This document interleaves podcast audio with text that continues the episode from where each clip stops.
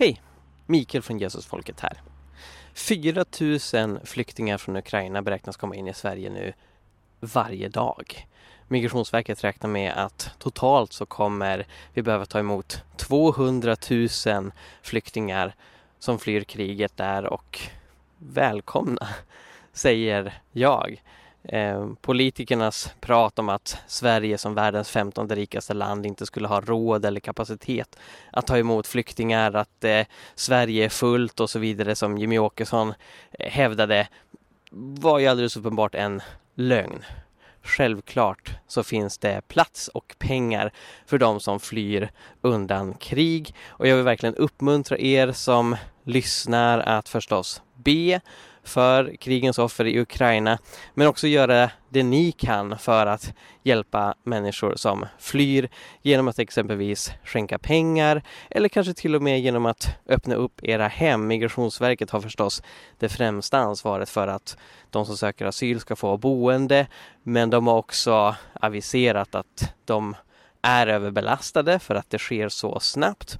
Så jag vet att exempelvis Evangeliska Frikyrkan har ett initiativ för att enskilda privatpersoner ska kunna husera flyktingar i minst tre månader. Och det finns många andra initiativ också.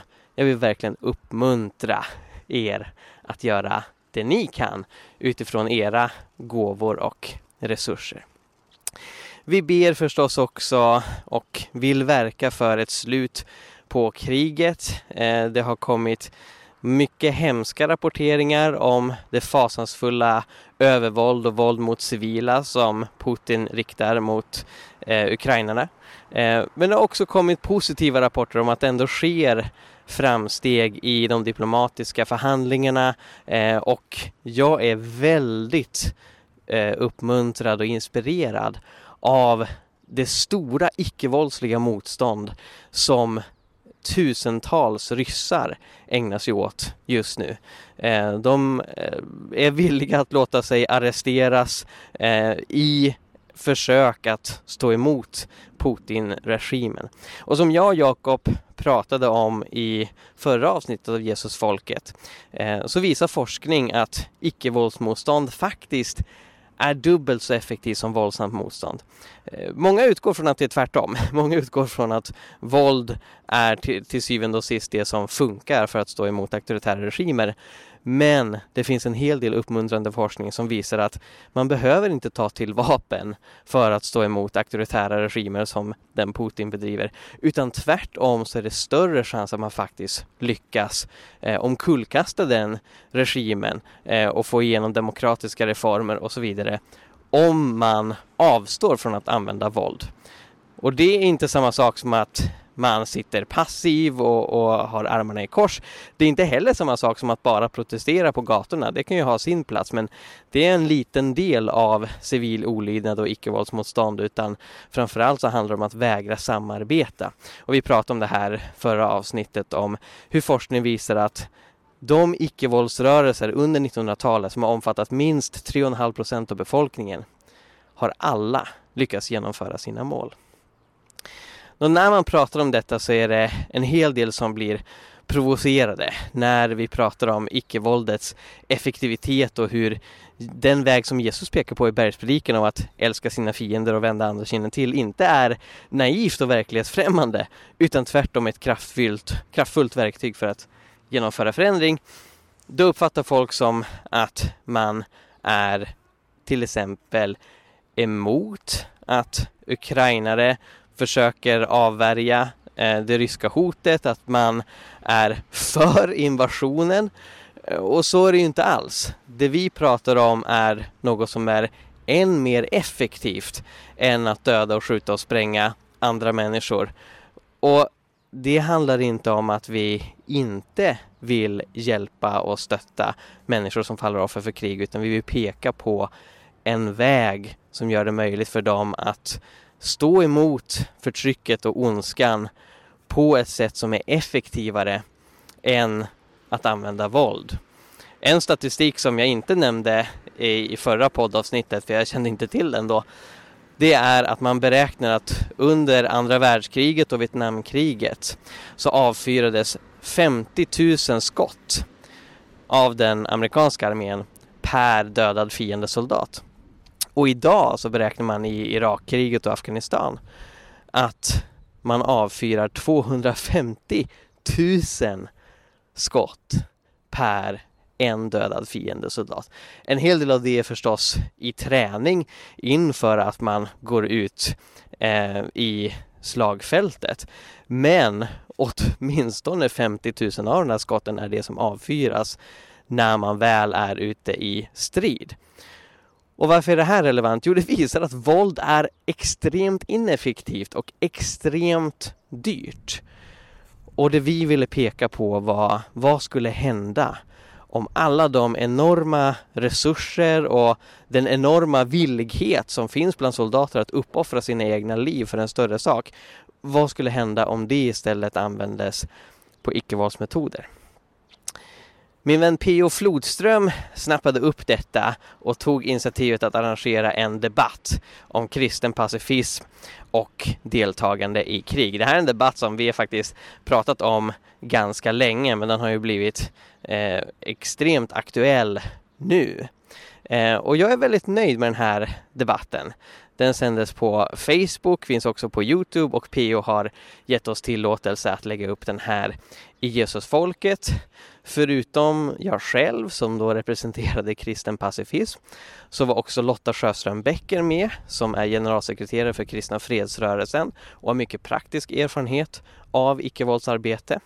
Eh, Erik Svanberg var också med som jobbar på Sveriges kristna råd eh, i Ekumeniska följeslagarprogrammet Israel-Palestina eh, och också eh, promotar pacifism. Och sen så debatterade vi mot tre debattörer som var väldigt kritiska till kristen pacifism. Eh, även om det var i varierande grad och alla höll väl med om att det är klart att icke-våldsmetoder ska prövas så långt det går men de var skeptiska eh, till dess effektivitet det var dels Olof Edsinger eh, som leder Svenska Evangeliska Alliansen och som också har skrivit en bok om krigen i Gamla Testamentet. Eh, Mika Fryxelius, som är en konservativ debattör som jag har dustit upp med flera gånger eh, men på ett eh, respektfullt sätt. Och sen Daniel Forslund som tidigare har drivit eh, bloggen Aletheia som numera är nedlagd och jag har haft en del duster med honom också tidigare.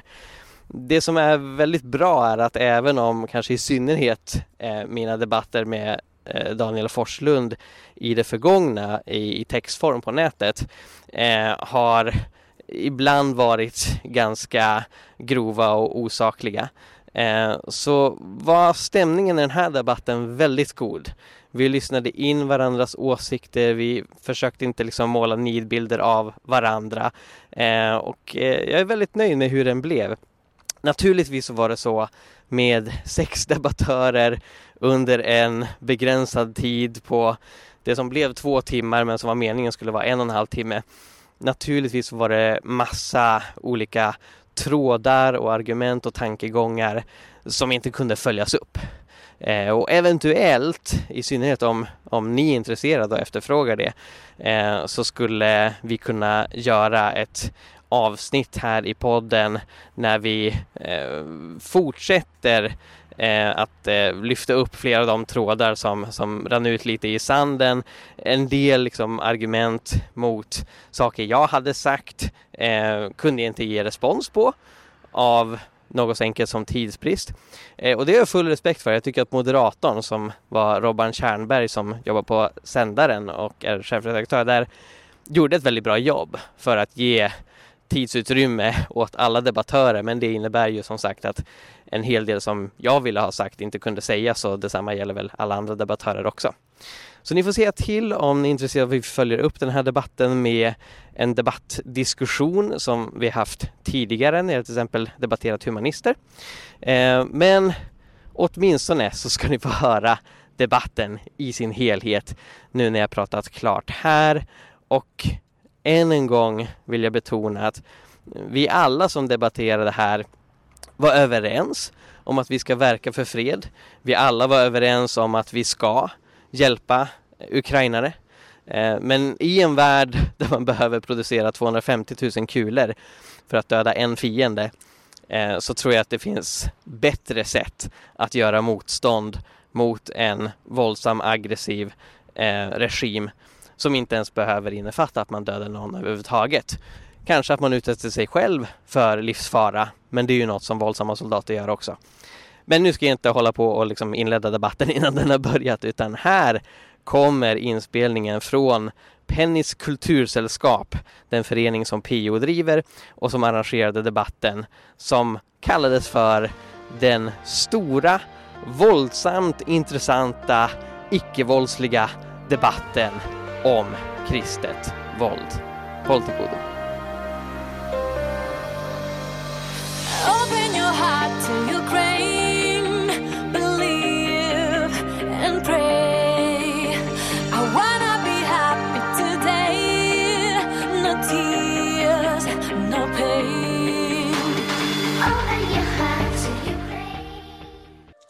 Yes, då ska ni vara varmt välkomna till det här avsnittet av PK Live, där vi kommer att fokusera på en fråga som har skurit genom eh, svensk väckelsekristendom, eller global väckelsekristendom, över 150 års tid, så länge frikyrkan existerat. Den här frågan kring pacifism, icke-våld och kristnas roll i försvarsmakten.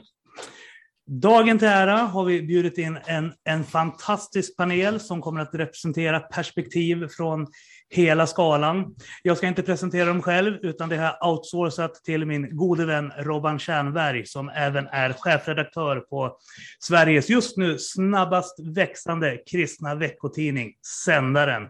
Så Robban, scenen är din. Okej, tack. Kan du bara säga om jag hörs först här, eh, när jag pratar nu? Ja, du hörs. Ja, vad bra. Då kör vi på här. Ja, men kul att få vara med. Vi eh, på sändaren här har ju eh, full, eller haft en ganska så intensiv eh, eh, nyhetsrapportering de senaste veckorna kan man säga med fokus på just de här frågorna som vi ska diskutera ikväll. Krig och fred och hur ska man ställa sig till det som kristen? Och det är klart att vi kommer komma in också under kvällen här på Ukraina, men vi kan väl börja i den änden som jag tror eh, är viktig att börja eh, och, och liksom ställa sig den frågan. Kan man som kristen vara för krigande? Kan man vara för dödande? Eller är vi så att säga tvungna att vara fullständigt pacifistiska? Och det är precis som du säger, en superspännande panel vi har med oss. Jag tänkte vi kan bara presentera gänget här så att folk som lyssnar får, får ett, en koll lite vart, vart man också kanske står i de här frågorna. Eh, om vi börjar med Mika Fryxelius så eh, är du lite av en konservativ kristen debattör eh, och har även verkat som ungdomsledare och jobbat i en del kyrkor. Ni får hojta om min presentation här på något sätt skulle gå stick i stäv med hur ni egentligen känner er såklart. Och sen har vi med oss Lotta Sjöström Becker från Kristna Fredsrörelsen Eh, Olof Edsinger som är författare och precis skrivit en bok om krigen i Gamla Testamentet. Men du är också generalsekreterare på Svenska Evangeliska Alliansen och ledarskribent i Världen idag. Eh, Erik Svanberg jobbar för Sveriges kristna råd eh, och just nu väl, om jag inte är missunderrättad här, så är det väl framförallt med följeslagarprogrammet då i Israel-Palestina som, som är din grej. Yes. Eh, Daniel Forslund känner kanske många till från den numera då nedlagda bloggen Aleteia, men som var rätt stor här för några år sedan. Jag vet inte, när, när var det ni, ni la ner Aleteia, Daniel? Det var i samband med min flytt till USA, så ungefär fyra år sedan tror jag någonting, tre, fyra år sedan. Så att, eh, vi har kvar domännamnet och vi kanske dyker upp igen. Just det. Eh, just det. Vi får se. Ja, det är säkert många som lyssnar här som, som läste den bloggen. Och du har ju ett gevär i bakgrunden där, så jag antar att du inte kommer vara på eh, fredssidan kanske. Men det tror jag däremot att Mikael Grenholm kommer vara, som är ju känd som en eh, eh fredsivrare och eh, klimativrare, eh, pastor och ja, lite allt i allo i den kristna världen. Är det en, en okej okay beskrivning av dig, Mikael, i, i nuläget? Man kan också tillägga att jag har en utbildning i freds och utvecklingsstudier och eh, undervisar i kyrkohistoria på ALT. Det ska man absolut lägga till i sammanhanget. Hörrni, jag tänkte jag skulle börja med att ställa den stora frågan som vi i, i lugn och ro kan, kan redogöra för här under kvällen. Kan man som kristen vara för krig? Om vi börjar med dig då Mikael som har den här gedigna utbildningen i frågan. Eh, kan du väl säga lite hur du tänker kring frågan. Kan man engagera sig i krig som kristen? Ja, alltså jag tänker inte att det är en frälsningsavgörande fråga. Så jag ser alla samlade här som kristna var vi än står i den här frågan. Eh, men jag tycker också att det är väldigt tydligt att när Jesus säger i bergspredikan vi ska älska våra fiender och vända andra kinden till så är det väldigt svårt att få ihop det med att skjuta och spränga och döda dessa fiender som man ska älska. Va? Eh, och, och det är någonting som vi ser att väldigt många tidiga kristna ledare innan Konstantin på 300-talet eh, håller med mig om. Alltså de flesta kristna ledare som uttalar sig om krig och fred under kyrkans första 300 år eh, drog mer av en pacifistisk slutsats som menar att kristna inte ska döda i krig.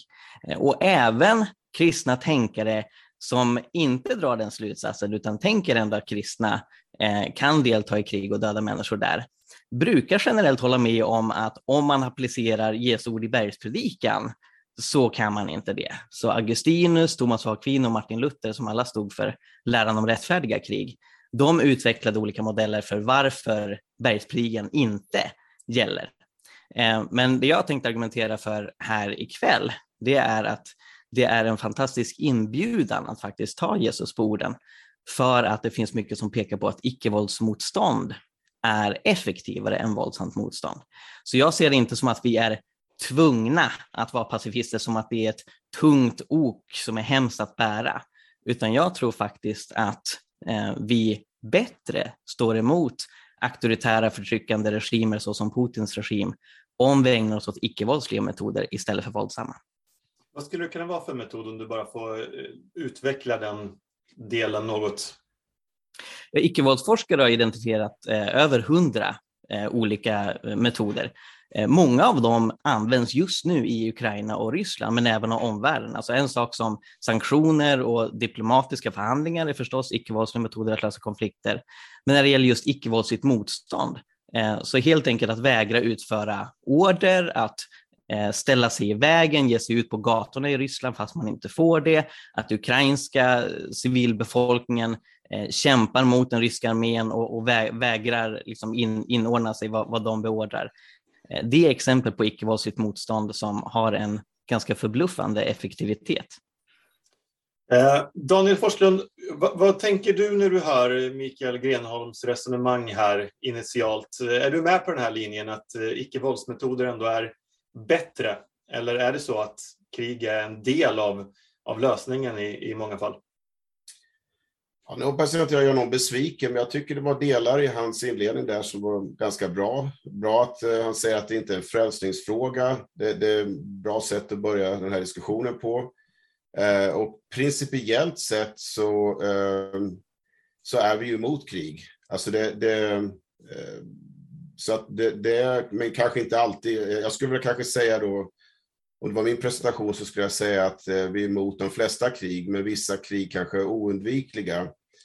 Ehm, och ehm, jag, blir lite fundersam, lite för tidigt att ställa frågor, men, men eh, jag skulle vilja att han definierar det kanske lite senare vad han menar med att kämpa emot ryssarna. Ehm, för det, det, är det sann pacifism egentligen att kämpa emot, då ska man väl kanske inte kämpa alls. Jag vet inte, men det kanske menar på icke-våldsligt sätt. Men, men eh, vissa, vissa saker håller jag med om. Men, men krig är oundvikligt, så att eh, principiellt sett så tror jag alla är emot krig. Jag, jag har svårt att tro att någon här skulle vara för krig. Men om jag ställer frågan så här Daniel, när tycker du att eh, krig kan vara berättigat också för en kristen så att säga att, att eh, gå med i? Eh, ännu en gång, generellt sett så, så handlar det om när en nation eh, intas. Så att för Ukraina till exempel så är det ju rättfärdigat att kämpa emot.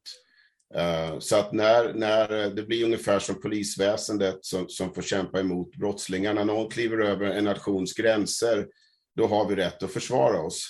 Eh, så att, eh, men sen att attackera andra länder Eh, är problematiskt, som både Ryssland nu gör och tyvärr USA har gjort sig skyldig till. Ehm, jag säger rakt ut till många amerikaner som jag träffar här i USA att ehm, det sista rättfärdiga kriget i historien, i min mening, är andra världskriget. Sen resten av de här krigen eh, kan vi faktiskt ifrågasätta. Ehm, Irak, Syrien, Libyen. Ja, det är väldigt många krig just där man går in i ett land som vi, som vi måste ifrågasätta. Så att jag, jag vet inte om jag är en dålig antipacifist här nu då, men det, det, är min inställning i alla fall. Intressant eh, Daniel. Jag tar in Lotta där. Eh, hur ser du på det här? Du, du uttalade dig i eh, vår tidning, Sändaren här, för några veckor sedan som det blev en del, vi har fått en del synpunkter i alla fall till tidningen. Jag vet inte om du själv har, har varit eh, med i någon eh, större debatt kring det efteråt, men där man tyckte att det var ju fel av dig då att säga att man inte skulle skicka vapen till, till Ukraina. Eh, varför var det egentligen så fel att, att, att, skicka vapen från Sverige till Ukraina när de blir attackerade av, eh, av Ryssland i det här läget? Jag vill börja med att säga att jag inte, och Christian Frias ifrågasätter inte de demokratiska principer och de folkrättsliga grunder som eh, en självständig stat så att säga har mandat att försvara sig själva. Det vill jag vara tydlig med. Nej, men det är ju det att jag vet att det är eh, eh, provocerande eh, för, för många när att motsäga sig att vi ska hjälpa till och, och exportera vapen eh, i solidaritet med det ukrainska folket. Alltså perspektivet som jag säger det ifrån, det är vad, vad sänder det, vad, liksom rent praktiskt, vad bidrar vi med eh, med att eh, skicka vapen? Jo, men det blir ju att eh, ukrainska armén får några fler timmar, några fler tillfällen att försvara sig, absolut. Men Sverige har ju, skulle nästan kunna ha en ännu viktigare roll, det vill säga att vara en fredsröst. För vi är ju inte med i NATO formellt som medlemmar. Vi är med i EU. Vi har en massa resurser att kunna vara en aktiv fredsröst, alltså att, med, att va, ta en mycket starkare roll och, och röst när det gäller just att hitta lösningar på den här akuta krisen, det här fruktansvärda som pågår. Så vi menar ju att det skulle vara mycket mer effektivt om Sverige hade steppat upp eh, med fredsinitiativ och förhandlingar än den här mer kanske symboliska eh, beslutet eh, att skicka vapen. Eh, så, så det är ju verkligen en, en vad vill Sverige skicka för budskap? Och jag förstår att Sveriges regering, det är valår, man vill visa handlingskraft, det handlar om solidaritet och så vidare. Men egentligen så tycker jag att Sverige gick miste om en stor potential att verkligen eh, som land i Europa kunna ha en mycket tydligare roll där. Um, vi återkommer till dig Lotta, för det finns ju jättemycket intressant där i det du säger. Men jag bollar över lite till eh, Mika. Uh, för jag kan tänka mig att du har en liten annan bild på, på det här. Var det, kan man säga att det var ett misstag av Sverige att skicka vapen till Ukraina i det här läget? Det, det är egentligen svårare än att säga ifall Ukraina ska försvara sig själva. Eh, för att nu involverar vi oss i någon annans krig, så att det är en mer komplex fråga. Eh, det som jag har som främsta fokus är, är de teologiska aspekterna. Eh, när Mikael Grenholm till exempel tar upp bergspredikan så, så reagerar jag på det att eh, Jesus säger att han inte har kommit för att upphäva lagen. Eh, och i lagen så finns det med både självförsvar och det finns med dödsstraff, det finns med lite allt möjligt. Så att eh, det finns med väldigt mycket våldsamhet i Gamla Testamentet. Så när man tolkar Jesus som att han håller på att upphäva Gamla Testamentet och säger emot det, då tolkar man det emot vad han själv säger. Eh, så att jag tror att det är en felaktig tillämpning av bergspredikan. Eh, överheten där bär inte svärdet förgäves. Den, den har det av en anledning. Eh, och staten har en del i det. Så att jag tycker att Ukraina har ju absolut en rätt att försvara sig själva och sitt folk har en skyldighet att göra det. Det är det som är gott och rätt att försvara sitt folk från en våldsam attack. Så att jag tror att det är det mest kärleksfulla, att ta hand om sin befolkning och beskydda sin befolkning. Ehm, så att eh, min argumentation är nog också att just gällande ifall Sverige ska exportera vapen så tror jag nog att det är, det är riktigt. Men jag tycker det är lite mindre, det är underordnat själva frågan om hur kristna bör se på våld och hur vi bör se på krig. Olof, jag ska snart släppa in dig också, för du har ju en del att säga om just det här med Gamla testamentet och krig. Men jag vill bara bolla tillbaka en fråga där till, till dig, Lotta. Eh, utifrån det som Mika säger här och utifrån det du sa tidigare, eh, kan man inte också se det då som en skyldighet att Sverige går in och hjälper en nation som är numerärt underläge och som är militärt underläge när man blir attackerad på det här sättet. Och inte bara Sverige då, utan eh, EU och NATO eller vad det nu skulle kunna vara. Eh, finns det inte också ett, något fredsbevarande i en sån insats? Det, det här är en klassisk fråga. Liksom. Vad, vad ska vi göra nu? Eh, hur ska vi bygga fred mitt i ett krig? Ja, men då är det ju bara vapen som, som hjälper. Det är den, det tunnelseendet som jag tycker är en utmaning att besvara i det här läget. Mm. Eh, liksom, eh, ni borde, eh, liksom, freden byggs ju långsiktigt. Kriget raserar mm. demokratier och samhällsstrukturer genom sina bomber i, inom några sekunder så att säga. Eh, och, och, jag tänker liksom att nu när vi har den här katastrofen runt hörnet, alltså att kriget pågår eh, bara några hundra mil härifrån, då blir EU enat och NATO mm. får luft under vingarna eh, och det ska upprustas något vanvettigt. Jag menar, både Tyskland, Sverige, vi har ju höjt våra eh, upprustningskostnader och något otroligt bara på några veckor. Eh, och jag tänker liksom att eh, där finns ju liksom en, en eh, om man reflekterar över när Ryssland eh, ockuperade eller intog eh, Krimhalvön, eh, mm. då var ju inte EU så enat. Det blev inte några stora eh, åtgärder eh, och man löste inte de knutar som fanns med Putin då. Och det är viktigt att, att skilja mellan Putin och Rysslands folk här. Mm. Eh, för vi har varit med och tillåtit att en despot som Putin har växt sig stark. Vi kan inte slå oss helt mm. fria mm. från det, vi i västvärlden. Eh, det, det har liksom, man har kunnat följa den här utvecklingen. Så jag skulle mer ställa, ställa frågan, har vi gjort vårt bästa för att stödja den demokratiska utvecklingen i Ryssland? Har vi stött Rysslands folk tillräckligt? För att det här, den här situationen vi har nu, det är ett misslyckande. Inte bara för eh, Ukraina, det är en katastrof, men vi i Europa, världen, vi har oss också misslyckats. Mm. Jag tror att du har en väldigt stark poäng där. Jag vet inte riktigt vem jag ska bolla vidare den frågan till här dock just nu, så vi får låta den hänga lite i luften. Ehm, eh, Mikael Grenholm, du ska också naturligtvis få svara bara snabbt här innan vi låter Olof komma in i samtalet också. Är det så att du har tolkat eh, bergspredikan fel här och upphävt lagen med ditt sätt att se på saken? Eh, nej, alltså det är extremt få genom historien som menar att pacifister liksom tolka Jesus på ett sätt som upphäver lagen. Som sagt, om man tittar på de flesta tidiga kyrkofäder så driver de liksom den pacifistiska linjen och även de som drog åt ett annat håll, Augustinus, Thomas av Aquino och Luther, menade att det Jesus säger här i bergspredikan är oförenligt med att döda fiender i krig, men vi ska inte följa bergspredikan just när det gäller här av X, Y och Z. Eh, Jesus betonar ju det att han han eh, upphäver inte lagen, han uppfyller den. Och det ger han flera exempel på. Alltså han expanderar buden om att älska sina fiender och vända andra kinden till utifrån de gammaltestamentliga buden om att älska sin nästa och öga för öga och tand för tand. Precis som det faktum att Jesus undervisar om att man kan äta vilken mat som helst, man behöver inte följa korselagarna, inte är att Jesus upphäver lagen eller, eller liksom går emot judendomen, men han introducerar ett nytt förbund och under det förbundet gäller andra principer. Eh, så jag tycker inte riktigt att Mikas invändning håller här. Eh, Okej, okay. Eh, vi får se om Mika vill svara på den sen. Eh, Olof, jag ska äntligen släppa in dig. Det finns ju någon paradox och det tror jag att det är många som brottas med ju när man kommer liksom till den här frågan.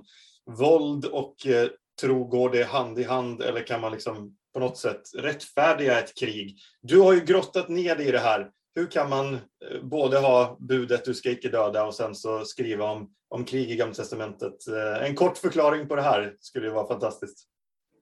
Ja, nej, men det finns ju redan rätt många trådar att nysta Jag kan ju börja med bergspredikan. Alltså det jag uppfattar att Jesus gör när han kallar till, till eh, också att inte vedergälla är ju grundbudet, att ni har hört öga för öga, tand för tand, men jag säger er. Eh, det jag uppfattar att Jesus gör där, det är att han så att säga, frigör det nya förbundsfolket från eh, det som präglar Gamla testamentet, nämligen gudsstaten. Eh, där, där Gud så att säga finns eh, som så att säga, högsta ledare, högsta styrande princip också i allt det politiska vardagliga livet. I en mening finns ju Gud verkligen med oss på det sättet också som kristna. Eh, men, men det fanns också en slags förpliktelse för Israel som gudsfolk att skipa rättvisa, Eh, att utöva så att säga vedergällning mot ondskan. Eh, I nya förbundet så, så ges den bollen väldigt tydligt tillbaka till Gud, som ytterst är den högsta auktoriteten i tillvaron i både Gamla och Nya testamentet. Eh, och då, då finns det utifrån den så att säga, tanken också en slags uppdelning som jag vet att vissa här inte alls uppskattar men, men, men som har varit viktig i stora delar av kyrkan. Nämligen att, att man tänker att vi som kristna verkar i någon mening på två olika arenor. Alltså vi, vi verkar i, i kyrkans och missionens tjänst och där är det fullt ut bergspredikans etik som gäller. Eh, men det finns också en arena som handlar om att, så att säga, ha de här mer juridiska funktionerna, att, att kunna vedergälla ondskan i form av krig förstås, men, men mer grundläggande i polisväsende, domstolsväsende. En domare dömer ju faktiskt på det sätt som vi som kristna inte ska döma, kan man ju säga. Eh, så så där blir så att säga Eh, frågan mer, eh, kan jag som kristen också inneha den typen av funktioner, den typen av ämbeten? Kan en kristen vara polis? Kan en kristen vara domare? Kan en kristen eh, agera som soldat i ett krig? Och jag tror man måste tänka ihop de tre funktionerna. Man kan inte bara tala om krig om man ska vara så att säga teologiskt konsekvent här.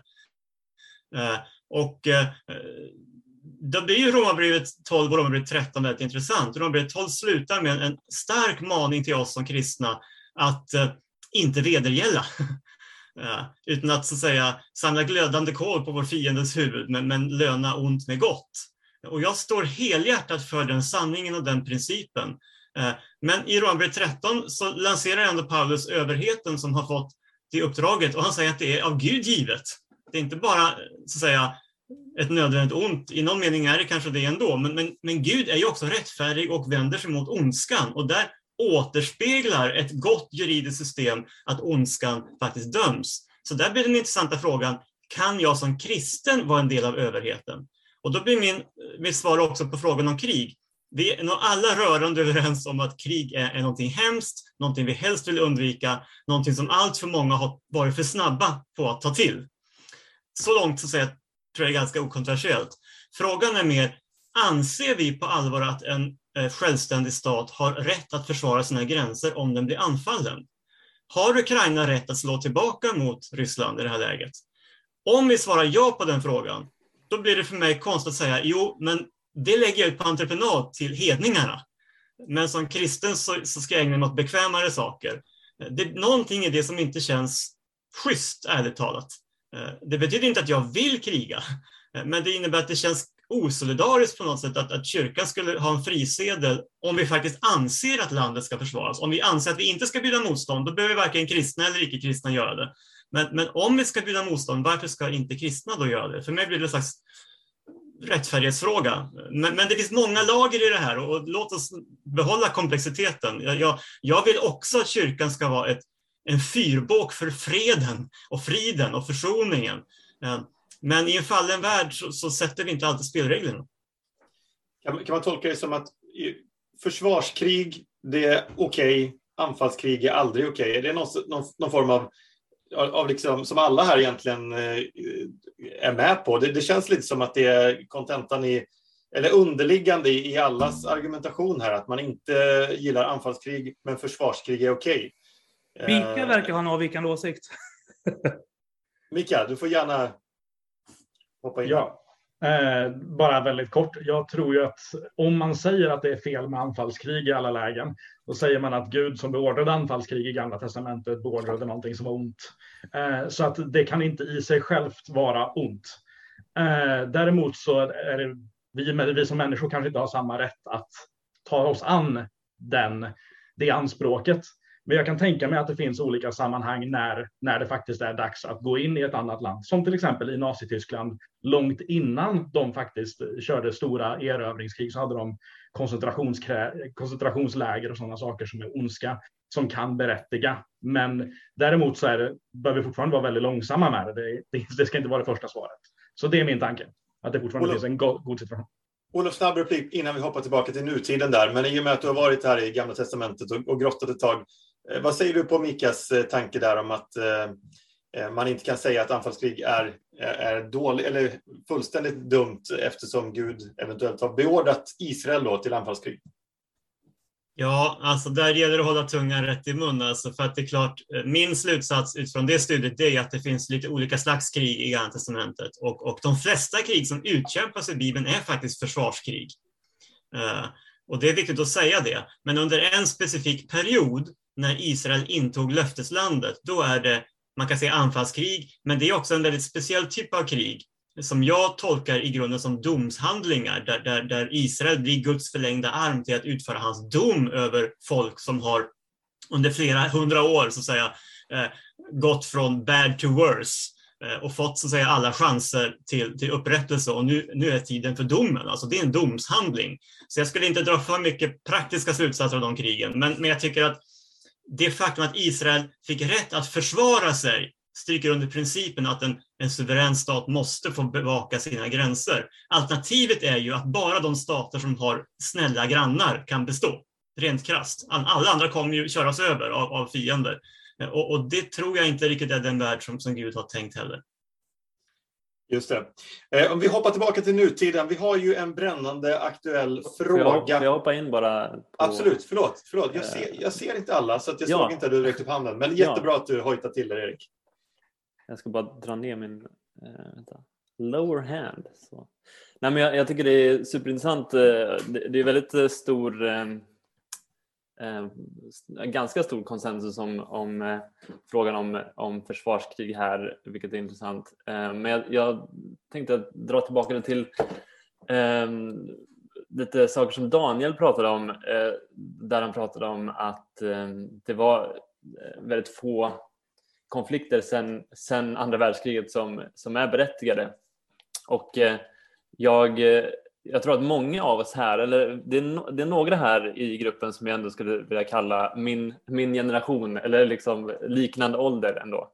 Eh, och vi växte upp med, med eh, inte minst den här post 9-11 världen eh, och de, de krigen som som ut, eh, utkämpades i, i Mellanöstern inte minst. Eh, och det mest talande exemplet kanske är Irak men, men också såklart Afghanistan. Um, och uh, där så vet vi alla att, att frågan om um, kristendom och nationalism blev väldigt tätt inkopplade i, i de krigen, inte minst från USA. Um, jag tänker också mycket om bergspredikan vi kan prata såklart om, om de aspekterna som du tar upp Olof, men jag, jag tänker också på bergspredikan utifrån vår kristna eh, funktion av att vara salt i världen. Och eh, när vi, eh, det är väldigt många som har kommit till bergspredikan och har blivit kär, liksom, kära i Jesus. Vem är den här personen som, som, som säger de här orden? Älska dina fiender. Och det är där man landar och även såklart för detta soldater som har läst de här orden och, och sett att ja, vi, vi är tvungna att, att släppa våra vapen här för att vi måste leva efter det här. Um, och jag, jag tänker att uh, när, vi, när vi ruckar för mycket eller när vi, när vi liksom gör ganska avancerade ehm, teoretiseringar om att gå runt den, den här plikten att älska våra fiender, enligt mig, så tycker jag att vi ibland eh, går ifrån eller, eller mister vårt salt i världen där, där människor ser att ah, de kristna de, de, de eh, har eh, den här Jesus som säger de här sakerna men se vad de gör. Se, se vad de gör. Och här och nu så har vi kristna som bekämpar varandra i, i Ukraina. Ryska eh, och ukrainska eh, soldater som dödar varandra. Som för inte länge sedan var del av samma, samma ortodoxa kyrka därtill. Eh, så de aspekterna. Jag, jag eh, tänkte innan det här liksom, samtalet att vad är det som faktiskt liksom rör mig och eh, det är ju bergspredikan som är den rörande kraften och det tror jag många personligen eh, personligen gör och har en personlig relation till. Så att, att liksom att eh, gräva djupare där kan, kan också vara svårt eh, på många sätt. Ehm, ja, jag lämnar över mitt ord. Superbra Erik. Eh, jätteintressanta tankar där också. Jag tror, jag tror att vi skulle kunna grotta ner oss ganska mycket mer där också vad de religiösa motiven faktiskt innebär i det här kriget. Men vi får se om vi hinner komma tillbaka till det. Daniel är näst på tur här. Du ville säga någonting? Ja, du ska ta ner den här eh, handen bara, ska vi se. Ja, nej, jag vill bara spinna snabbt vidare på, Olof nämnde i förbifarten att vi lever i en fallen värld. Och det här är egentligen problematiken med, med båda sidor. Eh, för att problemet är ju att eh, med de här krigen är ju att eh, Satan är den här världens herre. Och det innebär att eh, de flesta krig är inte sanktionerade av Gud. Och jag tror att vi måste se på den stora bilden här. Eh, vi blandar ihop eh, korten ofta tycker jag när vi pratar om, eh, det blir liksom en diskussion kring bergspredikans etik och, så, och gamla testamentet och många vill på något sätt separera dem. Och det påpekar Mika att Jesus kommer inte för att upphäva lagen, men likväl så vill vi göra det emellanåt. Jag tror att vi måste ju se den här bergspredikan var ju liksom för de invigda, men den här världen leds ändå av av djävulen. Och vi kommer liksom inte undan. Så att jag, jag, liksom jag satt och funderade inför det här mötet som vi skulle ha idag. Så kom jag fram till eh, lite förvirrande pastor Jansson-grej här. Men att jag, jag är inte pacifist eftersom Gud inte är pacifist. Men jag kommer att bli en pacifist när Gud blir pacifist. Eh, det är kanske lite förvirrande, men alltså vi lever i olika tidsaspekter då. Va? Så att eh, just nu så är Satan denna världens herre. Och det, det, går liksom inte att vara pacifist, men i församlingen, vi, vi, får inte, jag vet inte om jag trasslar in mig själv här, men vi måste sära på församlingens uppdrag och världens uppdrag. Vi är i den här världen, men inte av världen. Eh, så att som församling givetvis så ska vi vända andra kinden till. Och, eh, och när vi blir attackerade som kristna för vår tro, där har vi gott om exempel hur, hur människor dör för sin tro. Men, men, vi kan inte blanda ihop de här korten. Vi lever fortfarande i en fallen värld och det tror jag det är ett problem för båda sidor här. Vi lever i en fallen värld, punkt slut. Det, det är ett problem om du vill vara eh, fanatisk pacifist. Det är ett problem om du vill vara riktigt sån här krigsivrare. Eh, jag har gjort en resa, om du hade frågat, jag, jag var säkert på Bushs sida en gång i tiden när han gick in i Irak. Sedan dess har jag eh, haft nöjet att prata med väldigt många flyktingar eh, i Sverige. Jag har, jag har åkt väldigt mycket taxi mina dagar som företagare och det är ofta en, en iraker eller syrier eller något sånt här, någon flykting från något land. Och jag har alltid frågat dem, jag har haft som en liten standardfråga, jag har kört nu i säkert 10, 15, 20 år. Vad tycker du om det här anfallet av Syrien och Irak? Liksom blev det bättre när USA kom in? Och jag måste säga att 99 procent, om inte 100, eh, säger nej. Eh, det blev inte bättre. Så att vi lever i en fallen värld och det är ett problem. Som, det är liksom ett, eh, jag, är med, jag tror det var Mika som började med att säga att han gillar att titta på allt från ett teologiskt perspektiv. Det är, det är mitt intresse också, det teologiska perspektivet. Jag vet inte om, am I making sense? Vi får se. Micke har i alla fall eh, nickat eh, tydligt och dessutom håller han upp en hand där. Så vi kan väl släppa in dig i, så får du ta i där vad, vad Daniel sa. Jo, men jag tyckte du sa väldigt mycket bra. Men, men jag vill egentligen mest följa upp på det här med att älska sina fiender. Jag tycker det är väldigt viktigt att vi ska älska våra fiender. Det är någonting som är jätteviktigt även i det här kriget, att älska ryssarna, att älska alla liksom, vi måste älska våra fiender. Det är en väldigt viktig aspekt, men de säger att en nödvändig följd av det är att vi lägger ner våra vapen. Men jag skulle säga så här, Gud älskar sina fiender. Han älskar oss trots att vi är, våra, trots att vi är syndare. Det betyder inte att han alltid låter oss köra över honom eller att, vi behandlar, att han är snäll mot oss. Han är fortfarande ganska hård och ganska rättvis. Och jag tycker det är samma sak gällande staten. Det är klart att staten ska älska de kriminella och brottslingarna, absolut, men det betyder inte att den inte ska straffa dem, att den inte ska behandla dem hårt, att den inte ska döma dem. Eh, utan det är en del av kärlek är faktiskt att man behandlar folk utifrån det här rättviseperspektivet. För att om, till exempel med att livet är heligt, om livet verkligen är heligt, om vi älskar människor, då måste vi göra någonting när någon dödar dem. Då måste vi straffa det, då måste vi göra det, för att annars har vi med våra handlingar visat den här personens liv betydde egentligen ingenting. Så att det finns en väldigt viktig aspekt här med att älska sina fiender och det, och det vill jag få in i det här samtalet. Att, att frågan här är inte ska vi älska våra fiender eller ska vi hata våra fiender? Utan när vi älskar våra fiender, hur ser det ut? Eh, innan jag släpper in Ulf, behöver jag bara också göra en liten återkoppling på det där. För jag tycker Lotta, du var inne på någonting väldigt bra där i början. Där du sa att man ska vara tydlig med att det är skillnad på Putin och det, och, och det ryska folket. Eh, och jag tror att det är ju kanske särskilt så när man hör de här rapporterna som kommer in av de här unga ryska soldaterna som i vissa fall inte ens verkar veta vad de gör där. Och är de personerna då verkligen att, så att säga, betraktas som fiender? Eh, någon får gärna ta upp den tråden i, om ni känner att det går att, att, att lägga ut på något sätt här. Men, men vi ska fortsätta. Jag bara tycker att det, det är en intressant aspekt på det här att, att Putin offrar ju också sitt eget folk i det här. Det får vi verkligen inte glömma, precis som, som du var inne på Lotta. Och det är ju farligt lite, får jag eh, kanske säga då, för att återkoppla på Daniel där också. Eh, det här med liksom Satan och Gud i krig. Liksom vem, vem, vem vet vem som är var ibland? Det är precis som du säger, det var ju Eh, väldigt tydligt när Bush gick in i Irak att eh, nu ska vi liksom slåss mot Satan här och så visade det sig att ja, det kanske var någonting annat som, som drev på det. Så det finns ju så många aspekter i det här och det kan ju vara lite farligt ibland kan jag tycka. Men Olof, eh, du har räckt upp handen ett tag eh, så du får gärna ta över här nu. Ja, nej, men det du tar upp nu och det flera har varit inne på, alltså det illustrerar bara komplexiteten. Att, att det är inte så cut and clean kring de här sakerna och det är lätt att tänka principiellt i, i vissa frågor och pragmatiskt andra och sen kanske man vänder lite på perspektiven. Och jag menar,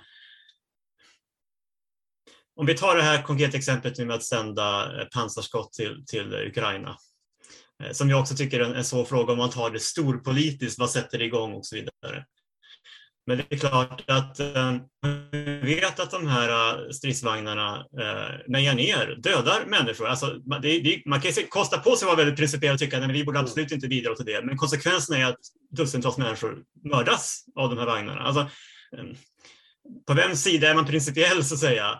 Det är jättesvårt. Jag bara konstaterar att det, det är genuint svårt. Om vi tar Putin då som konsekvent har ljugit nu under lång tid om både sina ambitioner och, och annat. Eh, vad innebär diplomati? Vad innebär fredliga lösningar, förhandlingar med en person vars ord man överhuvudtaget inte kan lita på? Där det i princip enda som kan få honom att börja mena allvar med sina ord sannolikt är att stridslyckan vänder. Därmed inte sagt att, att kyrkan ska vara, stå, stå med i kriget. Jag bara tänker att det, det illustrerar att det är lätt att ha väldigt fina tankar om det principiella, men, men det är ganska dirty on the ground på något vis. Och så att jag vill också vända det mot den position som jag kanske har haft här då, att så fort du går in i ett krig, även om det är så att säga ett rättfärdigt krig, så gör det någonting med personerna som deltar och alltså det tar fram de värsta sidorna och även i, i krig där jag kan tycka att, så att säga, en sida är tydligt godare än den andra så, så har jag inga illusioner om att den goda sidan bara gör bra saker. Ehm, det klassiska kring, kring rättfärdigt krig, det var ju Augustinus som, som formulerade mycket av det. Det var ju både att det skulle då eh, ja, men krigsförklaring ska ske av en legitim auktoritet, det ska vara en hedervärd orsak, man ska utkämpa det med rättfärdiga medel, i alla fall acceptabla medel, inte ha överdriven våldsanvändning. Det ska vara sista tänkbara utvägen. Och man kan resonera mycket kring sånt där principiellt, men som sagt, när det väl tillämpas så blir det alltid väldigt mycket gråzoner. Och jag tänker det är väl lika bra att erkänna det oavsett var vi till slut landar i den här frågan. Att det, det är en komplex värld. Eh, men, men, men låt oss inte heller låtsas om att, att det finns någon väg som, som gör det här enkelt. Eh, eller som inte har några offer. Båda sidorna så att säga, har, eh, perspektiven skapar offer. Mm. Vad gör vi av dem och vad innebär det att svika de offren? Jag vet inte, det är svårt. Mikael, du har hållit upp handen ett tag och sen även Erik och Lotta. Mikael, du får gärna ta vid där? Alltså, det är jättemånga eh, spännande trådar som är utlagda mm. och jag känner jag vill svara på allihopa, men det ska jag inte besvära er med. Eh, men bara väldigt kortfattat, eh, jag tror det inte är någon här som menar att Jesus upphäver lagen. Jag förstår alltså Daniels och Mikas poäng att om man tolkar Jesus som att han eh, säger emot krig, då, då får man problem med Gamla Testamentet. Men jag tänker på en aspekt som Jesus uppfyller i Gamla Testamentet som ju plockas upp väldigt tydligt av den tidiga kyrkan. Det gör han uppfyller profetier i Jesaja 9 och Sakarja 9 om att han är fredsfursten och i och med att hans eh, rike träder in i världen eh, så kommer eh, manteln som doppats i blod att brännas upp och, och stridsvagnarna kommer brännas upp. Så redan i Gamla Testamentet så finns det messianska profetier som talar om, om något som skiljer sig mot det tidigare har varit. Eh, Olof var också inne på liksom skillnaden mellan nya och gamla förbundet. Eh, jag, jag, tror att Mikas position att, eh, alltså så här, att, att dödande kan vara kärleksfullt i sig för att eh, Gud beskriver Bibeln, avslutar liv och, och Gud älskar sina fiender. Jag tror det är en ovanlig position. Jag får intrycket av att både Daniel och Olof snarare tänker att Romarbrevet 13 exempelvis introducerar något som sätter bergspredikan eh, åt sidan, att, att, att det är en annan princip som gäller när en kristen blir soldat. För om vi ska vara ärliga mot varandra, alltså liksom, det är inte en kärleksfull handling, det är inte ett uttryck för kärlek att skada eller döda någon annan. Eh, det är flera som varit inne på att det är något som man skulle göra motvilligt i så fall. Och jag tänker att det är en skillnad på Gud och människor i många aspekter. Det är till exempel en synd för människor att välkomna tillbedjan av, av en själv. Men samma sak gäller inte Gud och utifrån att Bibeln beskriver att Gud har makten att uppväcka döda så tror jag att det finns andra principer som gäller honom. Det går att expandera på det hur mycket som helst, men det ska jag inte göra. Eh, jag vill bara lyfta upp en annan tråd om jag får innan jag lämnar vidare ordet. Det är flera här som varit inne på att vi pacifister skulle vara emot att hjälpa Ukraina eller att göra motstånd. Jag tror eh, du Robban formulerade dig så i din fråga till Lotta eh, för en halvtimme sedan eller något sånt där. Eh, bör inte Sverige hjälpa Ukraina? Och då syftade du på att skicka de här eh, bazookasarna. Som jag, jag, jag, jag frågade om det var fel att vi skickade vapnen då till, eller varför det skulle vara fel. Tror jag att jag Okej, okay. jag, jag uppfattar att du sa, är, är, är, det inte, eller varför skulle det vara fel att hjälpa Ukraina? Och ingen här är emot att hjälpa Ukraina, utan frågan är vad som är mest effektivt. Eh, man har beräknat att under andra världskriget så producerades det 50 000 kulor per dödad fiendesoldat. Och när man har gjort samma undersökning när det gäller dagens krig i Irak och Afghanistan så producerar man 250 000 kulor per dödad fiendesoldat. Så det krävs rätt så mycket kulor för att åstadkomma det man vill åstadkomma i krig. Våld är väldigt ineffektivt. Och, och, det var det som jag nämnde inledningsvis. Det har gjorts ganska betydande forskning som jämför icke-våldsmotstånd med våldsamt motstånd. Och då jämför man inte rebellrörelser och våldsamma rörelser med folk som sitter med armarna i kors och inte gör någonting, utan då tittar man på icke-våldsrörelser som gör motstånd mot auktoritära, förtryckande och våldsamma regimer. Och forskare som Erica Chenoweth och Maria Stephen har visat att icke-våldsrörelser under 1900-talet har varit dubbelt så effektiva som våldsamma motståndsrörelser. De har visat att när en icke-våldsrörelse har omfattat minst 3,5 procent av befolkningen så har den alltid lyckats föra igenom sina mål. Och det är fantastiskt uppmuntrande både för den ukrainska och ryska befolkningen. Jag tror att även om Putin skulle vinna det här kriget så kommer han inte kunna behålla Ukraina för att motståndet i civilbefolkningen är så pass stort. Och jag tror till och med att det finns en chans att den ryska befolkningen lyckas avsätta Putin för att vi ser hur det sprider sig där med väldigt stora, inte bara protester ute på gatorna, utan folk som bedriver aktivt motstånd, hackers som tar sig in och förstör hemsidor, folk som strejkar och vägrar samarbeta med regimen. Eh, och, och, och det finns en oerhörd kraft i det. När folks intuition är väldigt ofta att icke-våld, det funkar kanske ibland i vissa sammanhang och sen så funkar det inte längre och då får vi ta till våld. Men den forskning som faktiskt har jämfört icke-våldsrörelser med våldsamma rörelser har visat motsatsen, att icke-våldsmotstånd tenderar att vara mycket mer effektivt. Och det är någonting som folk ofta avfärdar för att deras intuition säger att det lär ju inte funka, eller det är ju naivt att tänka så. Men om vi faktiskt satsar mer på detta och som Lotta var inne på tidigare, stöttar demokratirörelser, stöttar icke-våldsliga rörelser i auktoritära länder på ett mycket mer strategiskt sätt, då är jag övertygad om att vi kommer få en mycket fredligare värld samtidigt som vi kan nedrusta istället för upprusta. Nu har jag talat klart. Ja, det är bra Mikael, tack för det. Det var ju superintressanta saker. Men vi har flera händer uppe här nu så vi ska försöka och, så att alla hinner få säga någonting här. Eh, Erik, du är näst på tur. Ja, ja men precis det som jag tänkte säga. Nej, jag, jag, ska, jag ska försöka lägga till lite då. det var ett uttömmande Mikael, superintressant. Um, ja, för att gå tillbaka till uh, Olof snabbt, det, det du sa. Jag, jag, skulle bara vilja hålla med dig om en sak för att um, eh, Martin Luther King som är en av mina eh, personer som jag har kanske läst mest, eh, han, han eh, eh, nu försvann, nu försvann lite folk. Um, ja, okej. Okay. Um, Martin Luther King, han, um, när, när, han beskriver sin resa mot icke-våld så var det faktiskt, han, han, beskriver faktiskt hur han undvek att gå med i en pacifistisk organisation för att han, han såg som, sån här, eh, han såg pacifister för, som alltför bekväma eh, först. Att han, han såg att de, de inte såg det som en så svår etisk etisk fråga. Eh, och jag tycker du belyser väldigt, eh, den väldigt viktiga frågan är att det, eh, oavsett hur man vänder den här frågan så är det inte en, en lätt sak att, att, eh, att hamna i.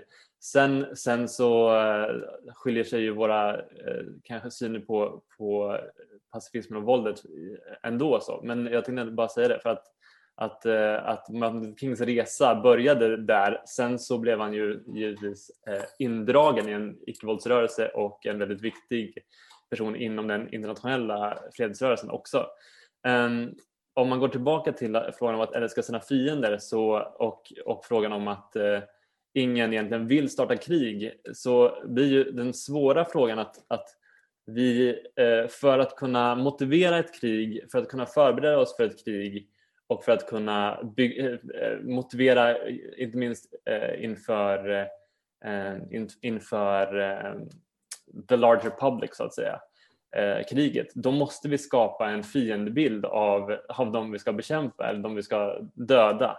Ehm, och, och där ser jag väldigt stora svårigheter. Vi måste då bygga enkla narrativ, vi måste bygga en fiendebild som nästan, eh, nästan nidbildsartad av, av vem fienden är det, det, tog inte lång tid innan, innan eh, eh, Putin blev jämförd med, med Hitler, om man säger ett, ett, ett, exempel. Sen kan man hålla med om det eller inte. Och det blir det här tunnelseendet som, som Lotta pratade om.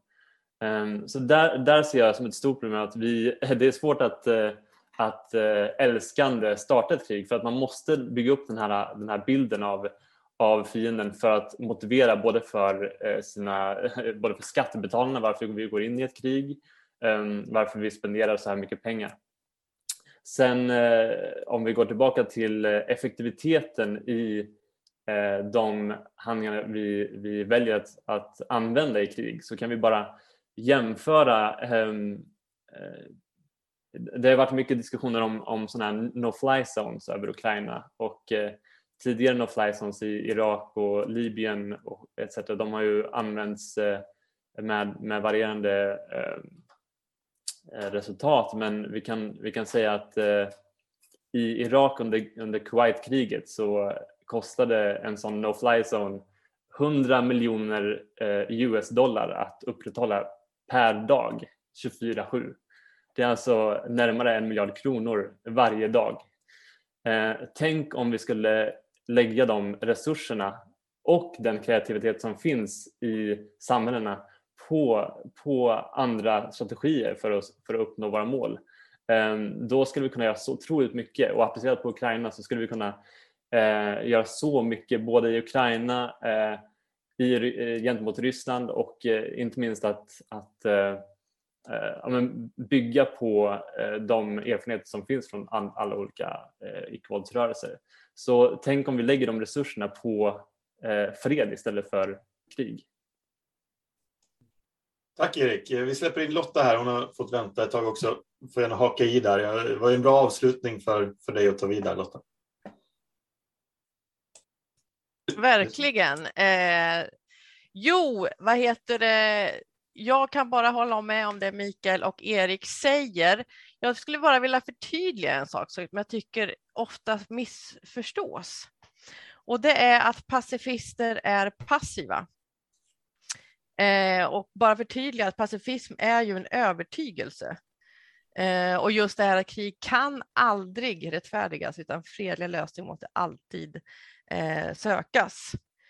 Eh, och att vi i Kristna Fredsrörelsen, vi ser Jesus som en förebild eh, inom eh, att vara icke-våldsaktivist. Eh, när, när vi läser och lär oss av hur han hanterade konflikter, oliktänkande och hur man kan liksom eh, istället för att vinna över, ni vet i krig, då slåss man till de faller, utan att istället vinna över och få med personen, folket, gruppen.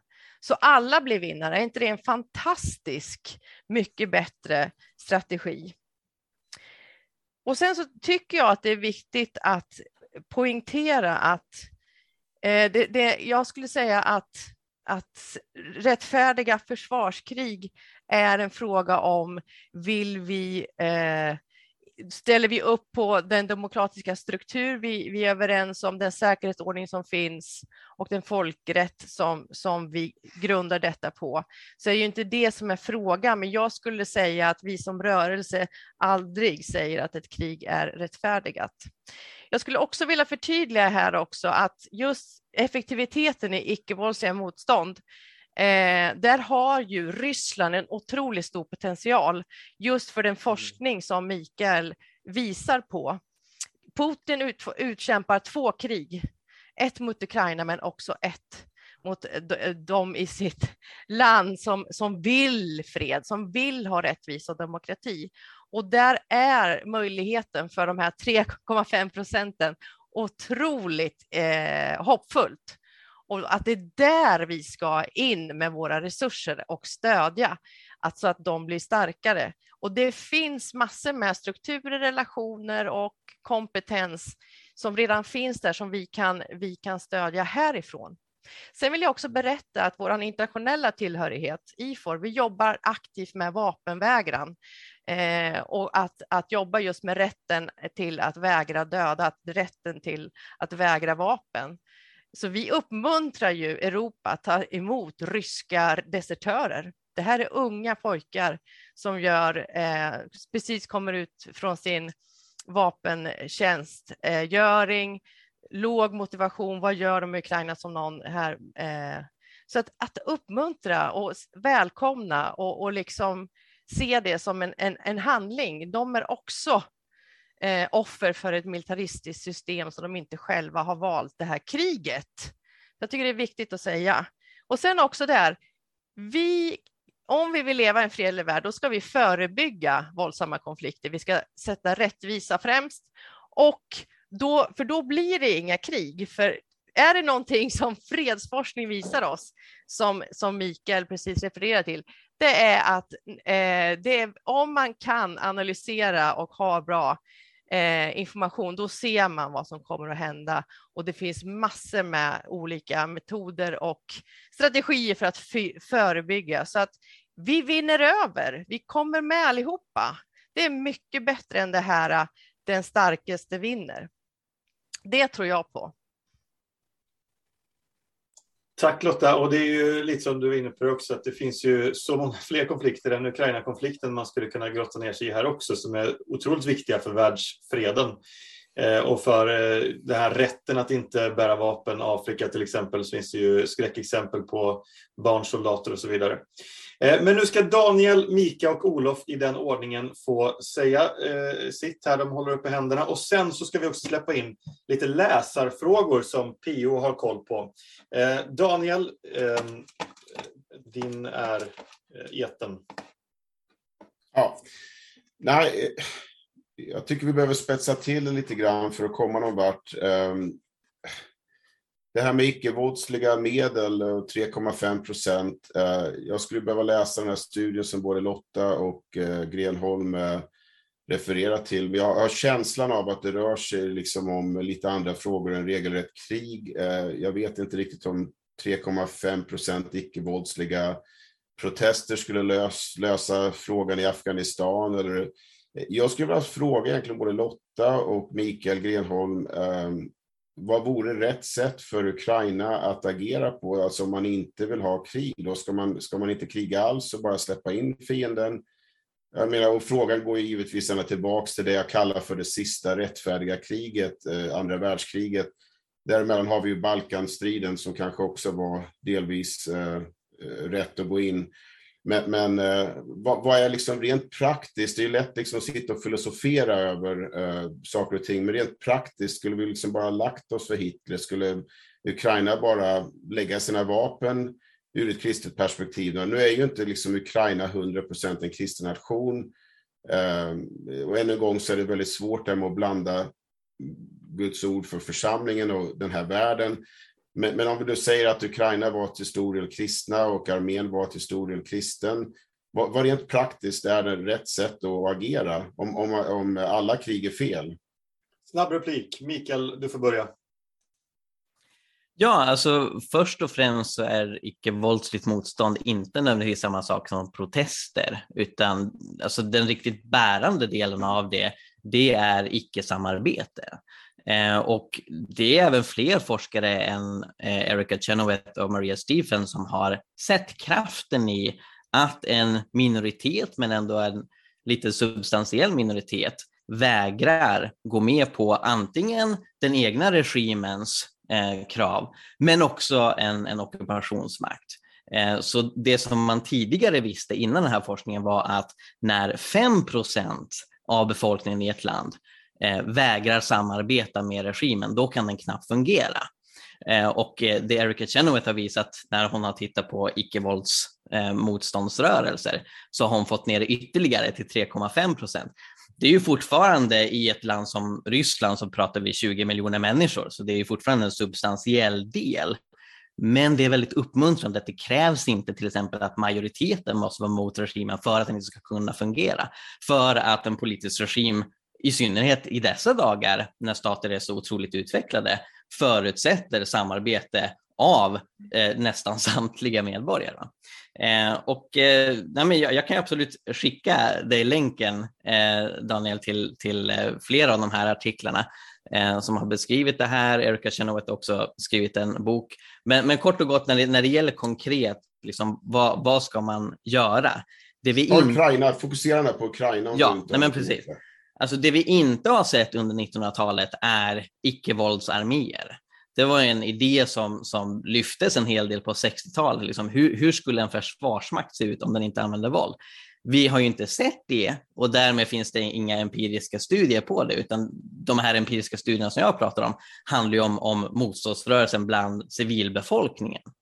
Eh, men det som är så uppmuntrande med att icke-våld tenderar att vara än mer effektiv än våld, pekar på att det finns mycket att göra framöver för att liksom utforska det här liksom kreativt. Hur skulle det kunna se ut? Rent konkret, alltså jag tror ju inte att Ukrainas armé kommer lägga ner sina vapen, förstås. Det, det har ju deras president gjort väldigt tydligt, annat än om de når en fredsförhandling. Men det förutsätter att Ryssland också lägger ner sina vapen.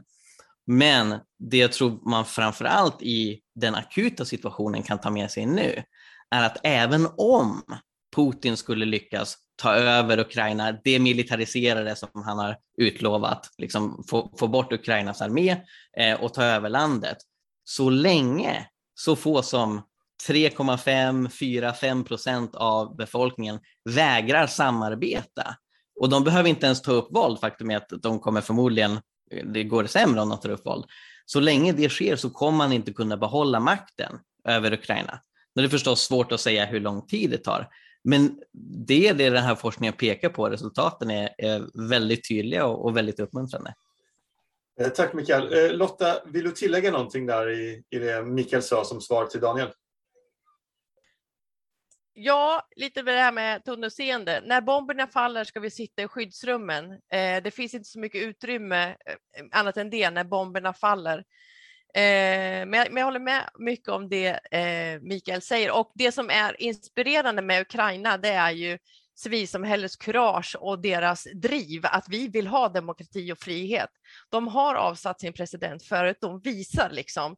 Så jag tror att det är viktigt att titta på hur vi kreativt kan stödja om de ens, på det sätt de, de, de, de behov som finns, att eh, stärka de krafterna så att de konstruktivt kan, kan motsätta sig. Men Ryssland är ju en, en övermakt, de är ju så mycket starkare, de, de, de har invaderat Ukraina. Och där måste vi titta på hur eh, Ukraina som folk mer effektivt kan, kan använda icke-våldsliga metoder, för där är det ju en extra utmaning. Eh, visar också forskningen att när det är en ockupant blir det Eh, väldigt mycket svårare att, att eh, liksom, eftersom maktövertaget är så signifikant militärt, eh, är viktigt att säga. Men jag skulle säga att jag tror att det viktigaste vi kan göra nu det är att, att skippa tunnelseendet och se vad, hur når vi fred? Hur blir det rättvisa? Hur kan vi kreativt stödja det ukrainska folket? Nu är det kris, nu är det humanitär kris, nu är det liksom kaos. Eh, då sitter vi i skyddsrummen, flyr, vi tar emot flyktingar, vi gör det bästa. Det är det vi gör nu. Eh, vi behöver eh, släppa in Mika och Olof innan vi tar läsarfrågor också. Ehm, jag hoppas att du känner att du fick något svar där Daniel. Du kanske, kanske att vi hinner, hinner få tid att du får komma tillbaka också och replikera från din sida sen Daniel. Mikael, det kanske finns en möjlighet att du kan lägga ut de här eh, papperna som du tänkte skicka över till Daniel där på något sätt så att även eh, lyssnare här kan få ta del av dem. Vi kan väl snacka om det efteråt och i så fall lägger du ut det PO då på något sätt där. Eh, Mika, du har hållit upp eh, handen här och väntat på att få komma in. Nu får du göra det. Ja, tack så mycket. Um, det första jag vill nämna är det här med eh, alltså, icke-våldsliga metoder. Och överlag så skulle jag säga att det är bra att man försöker att göra det i väldigt många fall. Det är, det är klart att det är bra att man gör det så långt som det är möjligt. Men samtidigt så finns det en väldigt viktig aspekt som glöms bort här när du talar om effektivitet. Och det är, är det fortfarande, är det rättfärdigt? Är det rättvist? Eh, behandlar man verkligen så att säga de som gör fel? Behandlar man dem så som de bör behandlas? Tar man itu med ondskan på ett sådant sätt som, som Bibeln förespråkar? Och jag menar att eh, du har redan i första Mosebok så etableras egentligen att eh, den som utkräver en människas liv av honom ska också hans liv utkrävas av människor. Och det är innan lagen, det är innan det kommer. Och det är någonting som Jesus sedan upprätthåller, skulle jag säga. Han kritiserar fariseerna för att de inte applicerar dödsstraffet i lagen. Men, och det, och det appliceras i sin tur på krig, skulle jag säga. att eh, Jag tror inte att det är rättfärdigt att låta mördare leva. Jag tror inte det är rättfärdigt att, att göra det. Eh, nu är det lite mera liksom, dödsstraffdiskussion och så här, men, men det spelar ändå in i krigs, krigsfrågan så att säga. Den andra saken som gäller också är att när man har olika typer av sanktioner eller fredliga lösningar så tenderar de att slå på civilbefolkningen mer än vad, det, än vad krigsaktioner gör. Krigsaktioner går ofta ut mot militären och man möter fiendemilitären, man möter varandra. Eh, men när man har ekonomiska sanktioner till exempel så skadar det hela folket och det skadar folk i flera länder och det skadar väldigt mycket. Så att det gör att man alltså bestraffar folk som är helt oskyldiga istället för att ta itu med de som faktiskt begår brott. Um, och det, um, Sen var det också att eh, Mikael nämnde profetior om Messias och fridsfursten. Och jag tycker det är helt sant, han kom där. Eh, och judarna hade väldigt missförstånd, för det finns många bibeltexter som talar om att Jesus kommer tillbaka och döma världen. Och de missförstod det som att den tiden är nu. Nu kommer Jesus tillbaka och han dömer världen och tar den med strid. Eh, men jag skulle säga att eh, Mikael gjorde exakt samma misstag. För han tar texter som handlar om att vi alltså, gör om våra svärd till plöjande och vi gör om våra svärd till liar och sådana saker. Det är saker och ting som handlar om fridsriket som kommer när Jesus regerar här på jorden. Det gör han inte ännu, vilket gör att det är också en felapplikation utav den texten. När Jesus kommer tillbaka och regerar så kommer så kommer faktiskt alla vapen. Och det är ju inte bara att de kristna lägger ner sina vapen, utan alla lägger ner sina vapen och plöjer så. Så att det var bara profetiorna jag tyckte det var felaktigt. Eh, ja, tillämpat helt enkelt. Instämmer 100 procent. Tack, vi får se om vi kan återkomma till det och låta också Mikael svara på det. Men Olof, eh, din tur att få komma in i, i, diskussionen. Ja, men tack för det. Nej, men så här. Eh, jag tycker faktiskt att, att både Mikael och Lotta lite grann slirar på frågorna här. Alltså, jag kan inte tolka det ni säger på annat sätt än att eh, Ukraina borde egentligen inte försvara sig med vapen. Man borde lägga ner vapnen och ägna sig åt civilt motstånd och obstruktioner av olika slag. För mig eh, innebär det att man lämnar walkover till övermakten. Sen förstår jag att man på lång sikt kan underminera en ockupationsmakt. Det finns säkert statistik kring det. Men låt mig ta ett konkret exempel. Eh, opposition i diktaturen Kina behandlas inte med silkesvantar. Eh, opposition i för att inte tala om, om Maos Kina, eh, men vi har ju en slags ny Mao där. Eh, Stalins Sovjet, han utrotade miljontals av sina egna invånare. Eh, lite, lite civil olydnad där var liksom inte okej, okay, om man säger så. Eh, så jag, jag ifrågasätter den här statistiken, att den ger en så heltäckande bild som, som ni hävdar. Jag önskar att det vore så. Jag har ändå väldigt svårt att tro det. Låt oss ta det konkreta exemplet när, när alliansen gick mot eh, Hitler-Tyskland eh, i andra världskriget. Eh, om man inte hade gjort det, det kanske hade löst sig ändå, men, men Sovjetunionen, det blev 70 års kommunistisk diktatur. Eh, vi kanske hade haft 70 år nazistisk diktatur.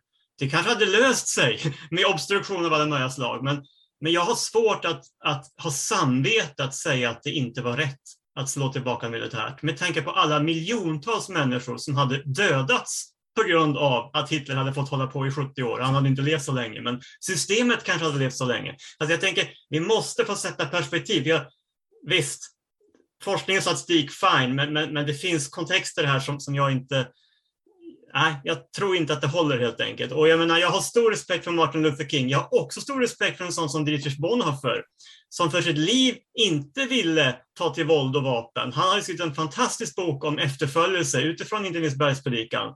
Men även han landar till slut i att, att han måste vara med och försöka få bort Hitler. På riktigt alltså döda honom helt enkelt. Um, där fanns också en, en vånda, han blev också en martyr för, för sanningen. Um, så att jag vet inte. Olof, jag har stor respekt för pacifism som hållning alltså och, och, jag tänker att det finns en viktig kallelse till delar av kyrkan, lite grann som vad ska man säga, klosterväsendet, en slags profetisk bild av en slags djup överlåtelse och, och eh, smalare väg som blir en slags inspiration för hela kyrkan. På samma sätt tänker jag att den, den radikalpacifistiska hållningen kan, kan ha en slags profetisk eh, sån funktion. Men, men eh, någonstans när man kommer ner till, till realpolitiken så, så jag kan inte få ihop det att det, att det håller hela vägen. Olof, I all, alla lägen. Det är så här, innan det blir krig ska vi ägna oss åt alla de här sakerna. Vi ska ägna oss åt dem under krig också. Men om vi tar Ukraina, det är ju för sent. Nu har ju bomberna börjat fällas. Vad gör vi där? Bomben har börjat falla. Olof, vänta lite här nu. Innan vi eh, går vidare till frågorna så måste vi låta Mikael svara. Kan du svara så kort det bara går, Mikael, här så att vi också får in lyssnarnas frågor. De väntar också. Jag ska bara säga att många frågorna riktar sig till Mikael så att han kommer att få besvara Okej, okay. ja, men du, då gör vi så här. Då går vi in, går vi in för det, det, det hettade ut verkligen till här med, med Olof här, så att vi vill ju inte låta det bara glida ut här i, i ingenstans. Men Peo, Kör läsarfrågorna så kanske de kommer också in på de här frågorna. Yes. Eh, till att börja med vill jag tacka er i publiken för att ni är så aktiva. Jag har över 60 kommentarer här, varav 58 av dem riktar sig mot Mikael Grenholm. Men vi får försöka hitta en samtalsform så att alla eh, kan vara med och ge sina perspektiv även på de frågorna som kommer in, även om de riktar sig mot en specifik person. Så. Eh, men dels vår vän Daniel Edler eh, och eh, Elias Nyström eh, undrar om den här statistiken som både Lotta och Mikael har tagit upp. Eh, Daniel Edler menar att den statistiken visar, den bygger på motstånd eh, inom en nation. Alltså till exempel då eh, en, en icke-våldsaktivism eh, i Sovjetunionen eller en icke-våldsaktivism inom Nazityskland. Och det, det, finns ingen statistik kopplat till då angreppskrig mellan länder. Eh, så att det tar vi väl som första frågan då. Vad var frågan? Jo, de, de menar att den statistiken som ni hänvisar till baseras på forskning gjord på inhemskt motstånd mot en, eh, ett inhemskt förtryck och inte anfallskrig mellan flera länder. Mm. Det stämmer. Vad, vad var frågan? Jag, jag, skulle misstänka att frågan är, är det lämpligt att tillämpa det på, på invasionskrig? Nej, alltså är det tillämpligt att överföra? Eh, jag tror att det är eh, lämpligt att överföra. Anledningen till att man inte har studerat en statlig icke-våldsarmé som när den blir angripen ägnar sig åt icke-våldsmotstånd istället för våldsamt motstånd är av den enkla anledningen att det har inte funnits på flera hundratals år. Ja. Så, så, man kan ju inte empiriskt studera något som inte finns. Det i sig betyder inte att det inte skulle gå av samma anledning som man kunde inte studera demokratiska stater på 1600-talet. Det är inte ett argument för att demokratiska stater inte fungerar. Men naturligtvis behöver man tänka väldigt nytt och väldigt annorlunda.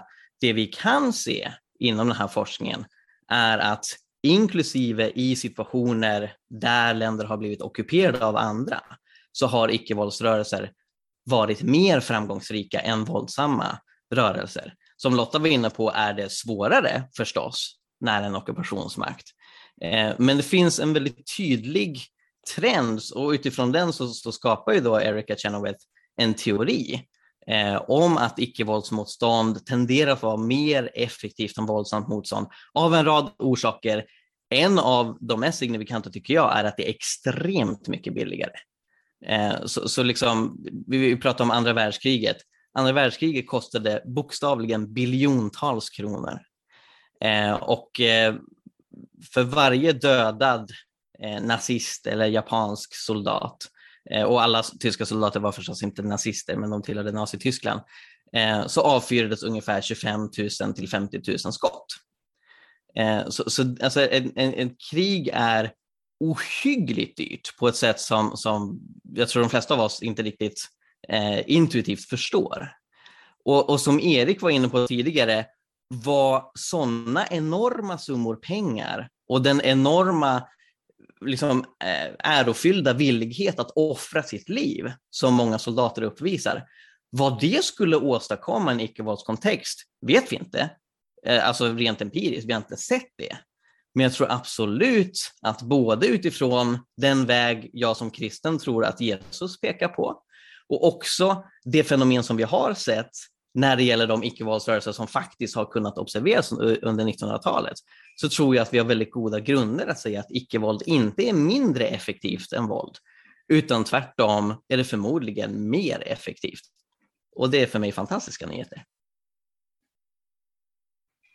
Yes. Eh, Daniel ville kommentera där innan vi tar in nästa fråga tror jag Robin. Ja, alltså det där är ju, det är bara en teori. Jag menar, jag tror de flesta skulle vara ganska obekväma med att nu, nu vi, jag menar, vi, teoretiskt sett så är vi i en situation, vi har brutit vår neutralitet i Sverige, vi har skickat vapen till uh, Ukraina och vi kan diskutera för och emot det. Men låt oss säga hypotetiskt att uh, Putin blir sur på Sverige, han kommer att attackera oss. Jag tror det är väldigt få i Sverige som skulle säga att nu testar vi en, den här teorin här och lägger oss ner och protesterar fredligt. Liksom, eh, eh, det är ju en teori, alltså det är en teori som, som inte har testats. Jag tror kanske till och med den har testats. Jag, jag, jag får gräva lite mer i Tibet till exempel. Jag är ganska säker på att de är icke-våldsliga där och vi ser hur det har gått för Tibet i, i, i Asien. Så att det, det, är liksom en teori. Ja, men det låter jättebra eh, teoretiskt sett, men, men eh, jag tror många vill ha praktiska exempel på var det här verkligen har fungerat någonstans i en krigssituation med tal talibaner eller Isis eller Hitler eller något. Liksom det, det, det, det, är en trevlig teori. Och vi kommer dit i tusenårsriket, det, då är vi där, men inte nu. Over and out. Eh, en fråga som flera har ställt. Eh, Jonathan Fransson, Kajsa Fryxelius eh, och ännu fler. Det är fem, sju stycken som har ställt frågan. De undrar eh, hur ni ser på till exempel då, det praktiska exemplet med en om ni går förbi en kvinna som blir våldtagen av en fysiskt starkare man, ifall ni anser att det då är omoraliskt att eh, avvärja den våldtäkten genom att gå in med våld. Men Erik eller Lotta kanske vill ta den nu.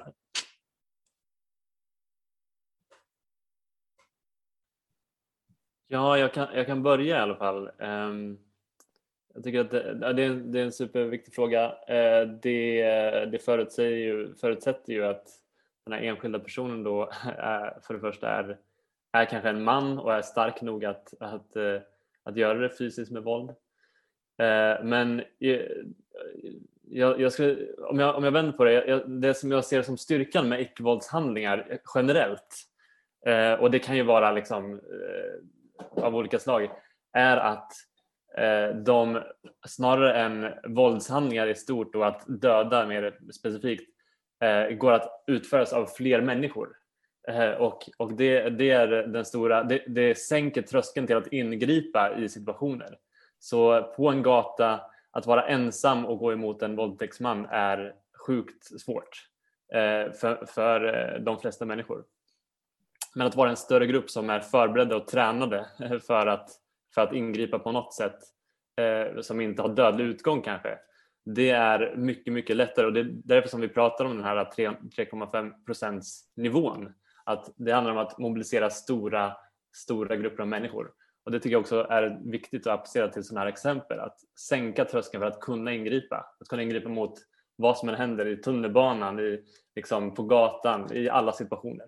Men eh, Lotta, du kanske vill fylla på där? Nej, men jag tyckte du svarade jättebra och det är en sån här klassisk fråga liksom eh, som man får som, som icke-våldsaktivist. Liksom. Så att det Erik säger att det finns metoder, man gör det tillsammans, man övar, man får liksom in. Och jag tänker liksom också ni som kan kampsport, liksom, och specifika aikido eller taekwondo där man använder motståndarens kraft och liksom kan, kan hantera eh, en väldigt våldsam person men lugna ner den utan att använda våld egentligen, utan att bara kunna använda en annan persons eh, tyngdkraft och energi. Så, så jag tänker liksom att eh, man kan gå in och eh, vad heter det, disrupt, alltså och, och, och, hantera en ganska så spänd situation om man kan icke-våldsliga tekniker, om man har övat. Man kan liksom skrika till folk, man kan liksom ställa frågor, man kan göra, liksom, det finns massor med knep eh, för att hantera en ganska så spänd situation, men utan att utföra våld på en annan människa. Men för att stå upp för rättvisa. Och det vill jag vara tydlig med och det är inga teorier, det här är praktik. Det här har, har, har jag sett och gjort så att det, det går. Vad säger du om det Mika? Håller du med? Verkligen inte. Jag tycker att det, det är verkligen att leva i luftslott. Eh, att, att tro att man, alltså när, när det väl kommer till kritan med sådana situationer, absolut så kan man försöka deeskalera. Man ska alltid deeskalera och det är även militär tränad för och poliser tränad för det. Men de har ändå verktyg, de har ändå de har ändå våldskapitalet för att kunna gripa in. Det är det som är den korrekta responsen på ondska från en överhet, från någon som har det. Sedan som individ så är det ändå, får man ändå begränsa sig i vilken, alltså vilka rättigheter man har med att utfärda straff och sådana saker, utan där är det ju bara att stoppa situationen. Man, man ska göra det som är tillräckligt för att stoppa situationen, inte för att hämnas eller någonting, för det är Bibeln väldigt tydlig på att vi inte ska hämnas. Men däremot att stoppa saker och ting. Absolut, jag tycker det, ja, jag tycker det, jag tycker det bara är viktigt att någon säger det bara att det är, det, det självklart griper man in och jag, jag har varit i nästan sådana situationer där jag har, där jag har gripit in också. Det, jag tycker att det är viktigt att man gör sånt. Okej, det finns lite olika tankar på hur man ska gripa in helt enkelt. Eh, P.O. du kan väl ta någon mer läsa fråga där? Ja. Eller, lyssnarfråga, förlåt. Jag är så inne i min tidningsvärld. Tittarfråga tror jag till och med. till och med det, ja. Till och med. Eh, Kristina Patring eh, har en fråga till er som argumenterar mot icke-våldsliga lösningar. Och den anknyter lite grann till Birger Schlaugs krönika som kom här i veckan angående om ifall ni anser att det är finare eh, att dö utan vapen i hand, alltså att försvara sig utan vapen än att försvara sig med vapen. Exemplet Birger Schlaug använde i sin krönika var att stå med det blottade bröstet framför stridsvagnen kontra att stå framför stridsvagnen med en sån här granat, granatkastare.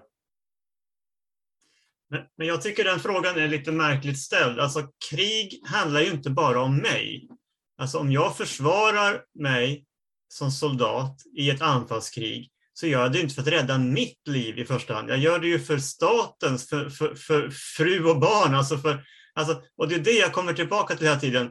Jag blir lite upprörd här, exempel med våldtäktsmannen. Men ursäkta, jag har inte läst kursen i självförsvar så jag kan inte gripa in. Alltså, eh, någonstans det finns en sund ryggmärgsreflex att, att vi måste bara få, få, få stoppa det, det här övervåldet.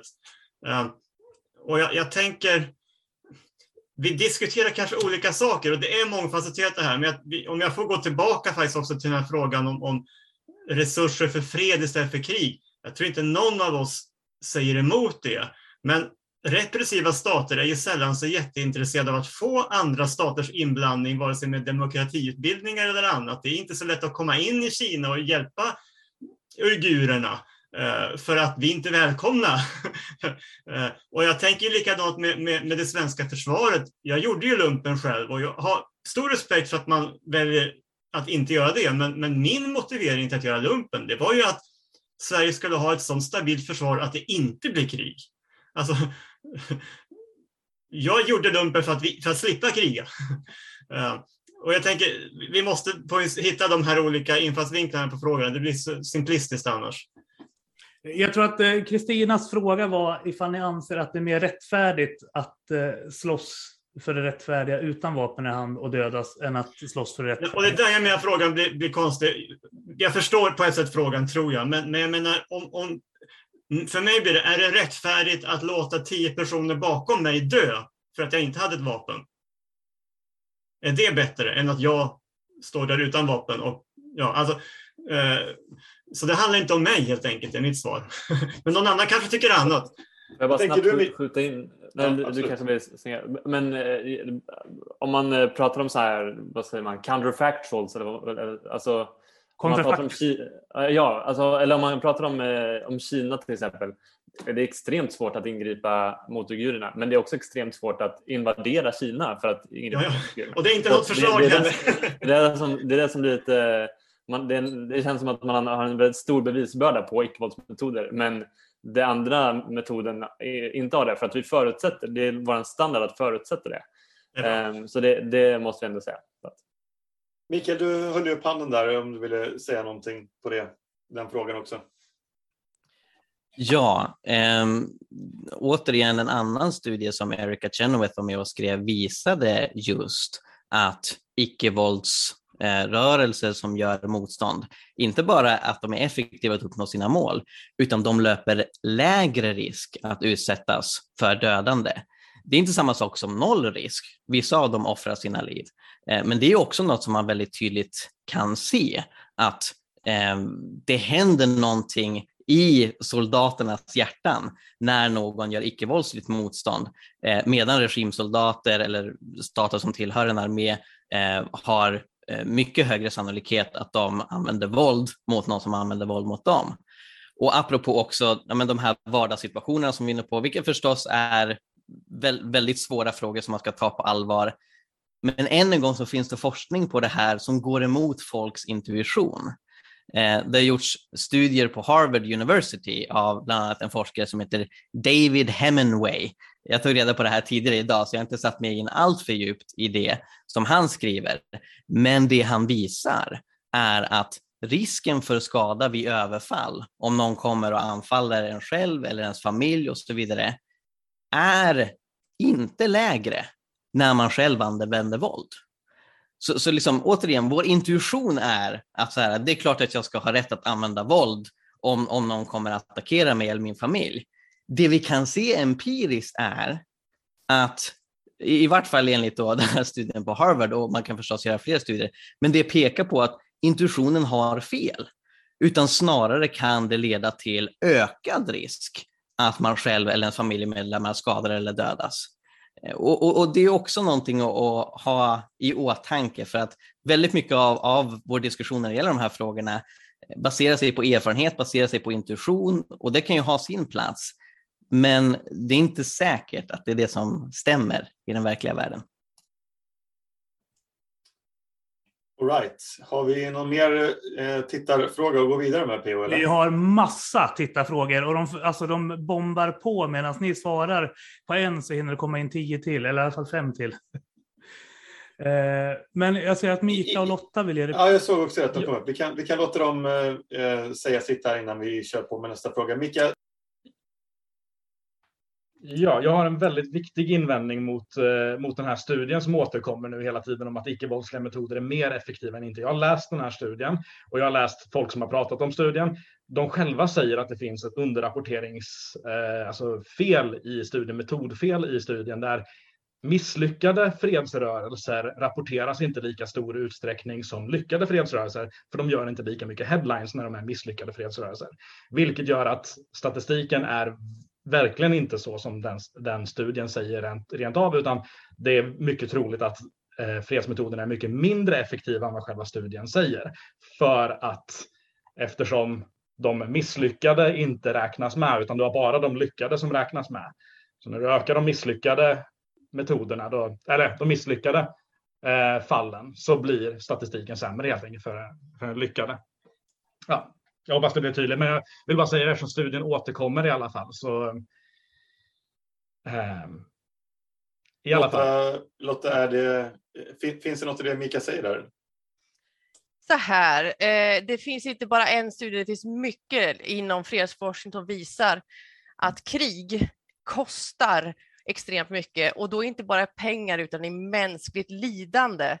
Eh, samhällen förstörs eh, och det är ju en del i varför eh, civilt motstånd, det förstör ju inte i samma kvantitet. Eh, men också att det är ju dumt eh, eh, att vänta eh, och, och så att säga fokusera på hur vi hanterar kriget, utan det är ju fredsrörelsens eh, budskap är ju liksom freden bygger vi långsiktigt. Nu är det ett enda stort misslyckande med, med det som har hänt i Ukraina. Jag vill vara tydlig med det.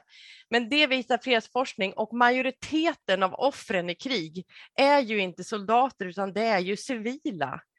Eh, så ju mer vi krigar desto fler civila dör.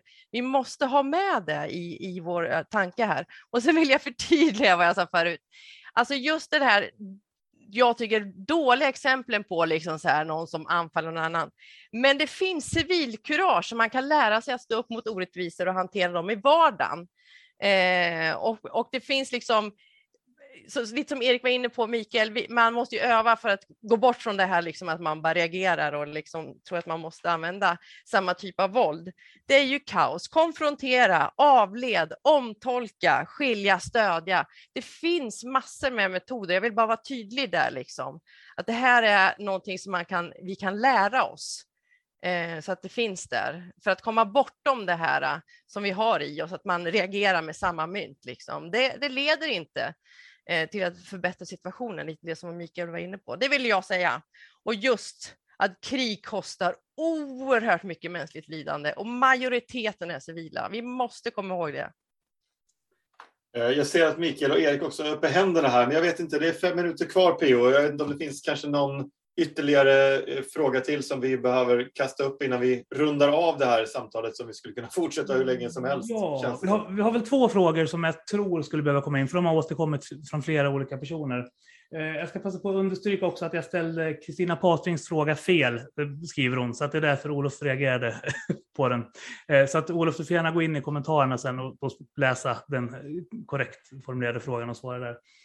Eh, Sen så har vi en fråga till Mika eh, från Tobias Sunnedal och jag tänkte försöka undvika att sammanfatta den så jag läser den bokstavligt. Eh, Jag tolkade Mika som att han tyckte att våld är mer lämpligt än icke-våld eftersom ondska ska straffas. Men är det verkligen ondska som, ska, som, är det verkligen ondska som straffas? Mitt intryck är att Putin står för ondskan och att mer eller mindre oskyldiga personer som skickas dit av ryska myndigheter får ta smällen. Kan man verkligen säga att ondskan har dömts när dessa personer dödas? Jag tycker det, det finns en väldigt bra poäng i det. Det är ju Putin som vi behöver komma åt, han som skickar ut dem i krig. Och det, tyvärr så är det väldigt ofta så att vi, vi i krig dödar alla så att säga, underhuggare och sedan så låter vi bossarna eller de som är ledare klara sig undan eller man sätter dem i fängelse eller vad det nu än är. Och det, det ser man också i filmer och sådana saker. Mycket, eh, även i serier, du vet de här hjältarna som har liksom slagit ner tusen stycken bovar och sedan så kommer de till, till den stora bossen. Han ska självklart sitta i fängelse. Eh, och det är ju väldigt skevt. Så jag håller med om att man måste försöka se till att rikta det mot de som faktiskt begår brotten. Men de som inte lägger ner sina vapen, de som inte vapenvägrar i ett anfallskrig av det här slaget, de är en del av den ondskan. Så att jag tycker det är helt rätt att, att eh, de, de stoppas. Eftersom de inte vägrar att göra den ondskan så är de faktiskt en del av ondskan. Ska vi slänga in sista frågan också PO och sen så kan vi ta eh, Olof och Erik också om de vill lägga till någonting i den här diskussionen. Jajamän, och sen har jag lite avrundningar sen när du börjar bli klar Robban. Men det tar vi sen. vi har en fråga från Jonathan Fransson och eh, ja, många fler som jag inte får upp nu för att det är för många kommentarer. Och de undrar ifall ni som företräder pacifismen även vill se en poliskår som inte använder sig av våld mot till exempel organiserad kriminalitet och i annan form av brottsbekämpning. Erik, tar du den eller? Uh, nej, men jag kan passa över den till... Uh, till uh, Passa över den till mig.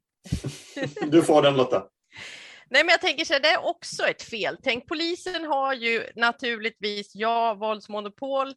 Eh, polisen har vi som ska eh, se till att lagarna upprätthålls i vårt demokratiska land.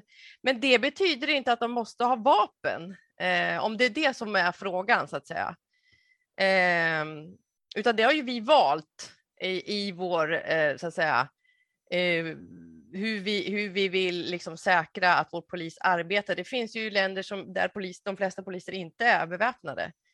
Och det funkar, liksom, så att jag, jag, jag, vet inte liksom om det är en sån eh, radikal fråga ändå, liksom. För att eh, som sagt var, polisens roll är att se till att vi eh, upprätthåller lagen. Det förutsätter inte att det nödvändigtvis ska vara ske med hjälp av vapen. Jag tror vi gör så här, Olof och Erik höll upp händerna där och ville tillägga någonting tidigare. Mikael, eh, jag tror tyvärr inte att vi kommer ha tid med, med dig nu om det inte är någonting väldigt viktigt. Men då kan du skriva det i chatten sen efteråt så kan vi ta vidare den diskussionen. Vi har ju inte ens kommit in på NATO så det skulle, vi skulle behöva en timme till här P.O. Men, men vi tar det sen. Det går Olof... inte för du är småbarnsförälder Robin. Ja, jag vet. Det funkar inte. Vet du. Det funkar inte. Olof, eh, ta vid här så att eh, du får ordet. Ja, nej men det finns ju så många spännande trådar som sagt. Jag vill bara säga att den kristna etiker som nu har påverkat mig mest är Richard Hayes och hans fantastiska bok The Moral Vision of the New Testament har ett fantastiskt kapitel om icke-våld. The Church as a Community of Peace. Eh, och, och jag tyckte det var helt otroligt att, att, läsa hela den boken men också det kapitlet. Eh, och jag vill bara, i och med att vi är på slutet här, stryka under det att jag tror att vi vi står väldigt enade i, i mycket av, av den visionen. Eh, det jag har saknat lite grann, och jag tycker fortfarande att det finns lite glidningar i det här samtalet, det är att eh, ingen av oss motsätter sig ju, eh, så att säga, god civil olydnad, goda praktiker för att bygga samhälle och allt det här. Och, och ingen av oss tror jag egentligen förordar heller att man ska förklara krig eh, särskilt eh, frimodigt. Eh, USA har gjort det allt för ofta genom historien. Ibland rätt och ibland verkligen helt fel, är också min åsikt. Eh, den stora frågan för mig blir när vi står inför fullbordat faktum, när Ukraina blir anfallet, när Nazityskland har ett grepp om hela Europa och så vidare. Vi nämnde ju Kina och jag, jag är ju första att erkänna att vi kan inte anfalla Kina för att ta tag i frågan om uigurerna. Men det är ju samtidigt en, en skam att västvärlden är så både bekväm i meningen ovillig att lida men också rädd för att förlora ekonomiskt på att verkligen ta fighten med en sån, sån diktatur som Kina. Och det är en del av den fallna världen, det är en del av den strukturella ondskan om man så vill, i, som vi alla är tyvärr en del av. Så att, än en gång, det finns så många lager i det här, men, men jag tycker fortfarande att den, frågan när det verkligen dras till sin spets, det är när, när en relativt oskyldig part blir anfallen av en starkare part.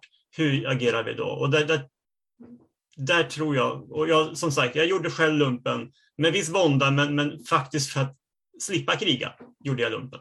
Så man kan verkligen ha olika ingångar i den här frågan, även om man har liknande mål.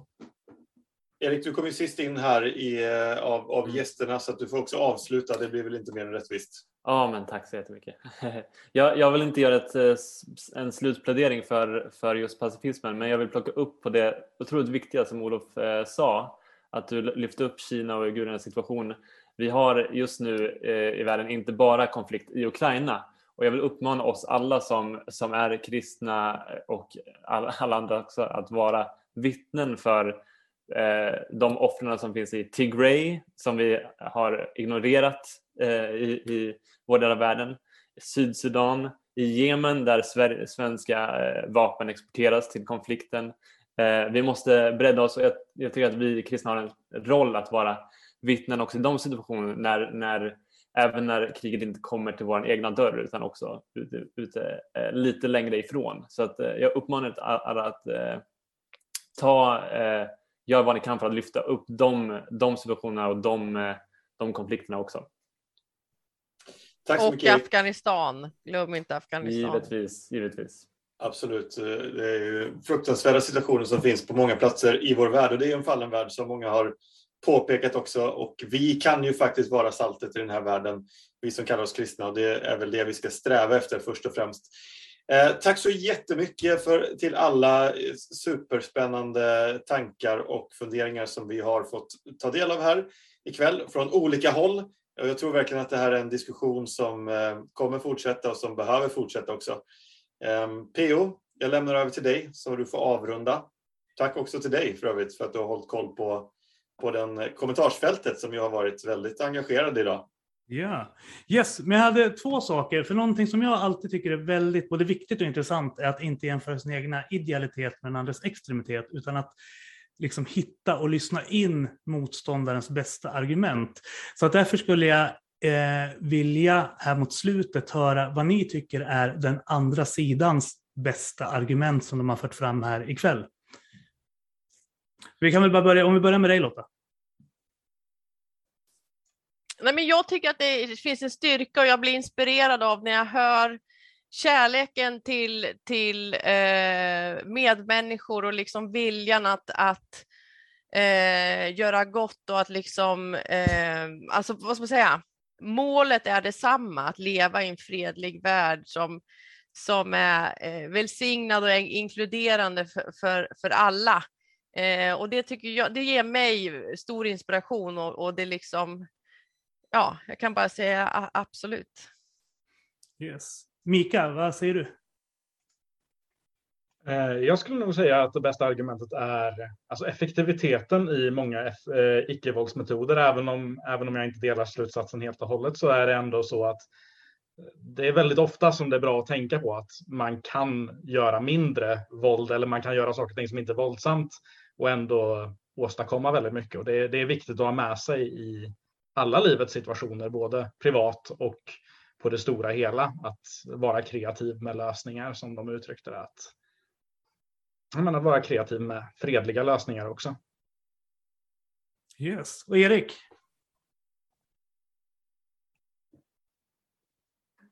Ja, um, jag tror att de bästa... Ett, ett, ett argument som jag, jag tror också är, är väldigt viktigt var det jag tog, tog upp i samtal med Olof att uh, Eh, det är inte enkelt och eh, vi som håller en pacifistisk hållning eh, vi kan inte slå oss för bröstet av att vi är på något sätt bättre eller finare för att, för att man håller, håller den här hållningen. Och snarare så, ja, nej men det, det är nog min, min take. Yes. Olof, vad tyckte du var pacifisternas bästa argument ikväll? Ja, men, men det sägs ju oerhört mycket här eh, som man kan sympatisera med så, så att jag, jag, jag, jag, går väl tillbaka till bergspredikan. Alltså, jag, jag tänker att eh, om vi talar för kristenheten, nu har vi ju rört oss på lite olika plan, men för kristenhetens del så är det ett djupt misslyckande om inte kyrkans hållning och retorik smakar bergspredikan. Ja. Daniel, vad säger du? Vad är... Jag måste haka på Mika faktiskt och säga att den här biten med effektiviteten i icke-våldsamma handlingar, även om jag då anser, jag tror Mika också, att man applicerade fel på just krig. I en tid där, jag har ju varit här i USA nu när, när eh, marxistiska BLM och eh, anarkistiska AFA i USA har bränt städer, man har plundrat, man har förstört, man har attackerat, man har skadat. Eh, jag skulle vilja se en åter, ett, eh, återgång till, till Martin Luther Kings eh, sätt att verka och jag tror det är det man pratar om. Som sagt, även om jag inte tror att man kan applicera det på krig, så gillar jag den studien och jag skulle vilja se det först och främst appliceras inom den numera våldsamma vänstern i USA. Man kan börja där, tycker jag, börja i Jerusalem. Så att jag, jag, jag skulle, jag, kom, jag kommer läsa den här studien med intresse, även om jag vill applicera den kanske på ett helt annat område. Så att ja, det var, det var intressant. Yes. Och Grenholm, vad är icke-pacifisternas bästa argument ikväll, tycker du? Jag tycker att det bästa argumentet mot pacifism, och också tenderar att vara det vanligaste, är just det här, men om du ser någon bli överfallen. Eh, och ganska ofta är det ju liksom formulerat ännu närmre, liksom, om eh, din familjemedlem blir anfallen, vad, vad gör du då? Ehm, och, och det är en fråga som man inte kan ta lättvindigt. Jag tror som sagt att vår intuition eh, inte riktigt stämmer överens med, med verkligheten. Eh, men jag har också full förståelse. Jag har ju träffat människor som de är för nedrustning, vapenvägran, icke-våldsliga lösningar på eh, de stora geopolitiska konflikterna. Men när det kommer till dem själva så kan de inte med ärligt hjärta säga jag, jag vet inte vad jag skulle göra då. Samtidigt som jag tror att det är också en kulturfråga och vi behöver upphöja de här icke-våldsliga metoderna som vi ofta vet ganska lite om, eh, men som jag tror faktiskt kan vara väldigt effektiva som vi varit inne på. Yes, tack så mycket. Innan vi avslutar kvällens sändning så har, vi en, har jag en sista grej. Min och Mikaels kompis Göran Reiderstam skrev en lång kommentar innan eh, debatten drog igång eh, som landade i två saker. Den ena var att han inte gillade sändaren och det kan vi inte göra så mycket åt men att typ be Olof skicka sin bok med ledartexter ur världen idag till honom. Men sen så efterfrågade han också att eh, vi istället för att bara prata om frågan eh, skulle be för situationen i Ukraina och det tänker jag att vi kan tillmötesgå. Så jag tänkte ifall jag börjar och sen så tar vi den här rundan baklänges som vi gjorde nu. Så vi börjar med Mikael, sen Daniel, sen Mika, sen Lotta och sen får eh, Robban avsluta innan vi stänger ner kvällens sändning. Jag känner att jag måste bara få en replik på den här. Eh, eh, jag undrar ju verkligen om man är prenumerant, men om man inte är det så kan han ju skriva till mig så ska han få en provprenumeration. Yes.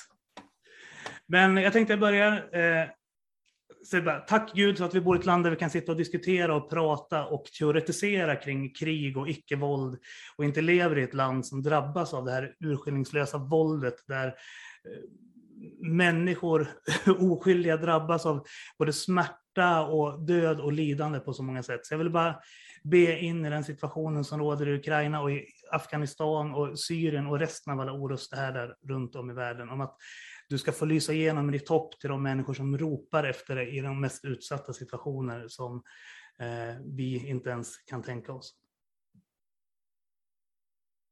Ja, Herre, jag ber om din nåd över Ukraina, Afghanistan, Jemen, Sudan, de konfliktområden som vi har nämnt här. Tack Herre att du är med mitt i lidandet och mörkret och jag ber särskilt för dem som inte kan använda våld, som inte har tillgång till vapen eller som är muskulöst svaga, barn, gamla, sjuka. Jag ber för ditt beskydd och att du också hjälper dem att stå emot ondskan och stå emot förtryck på de kreativa sätt som vi har pratat om här ikväll. Herre, Jag vill be särskilt för uigurerna, jag vill be för eh, Venezuela, för Myanmar. Det finns så många platser vi inte ens har hunnit nämna ikväll. Jag ber om besinning, jag ber om att människor ska få finna dig mitt i det djupaste mörkret. Tack för att du gick ända in i döden och känner all vår ångest, Herre. Och vi ber för alla som behöver möta dig just utifrån de erfarenheterna.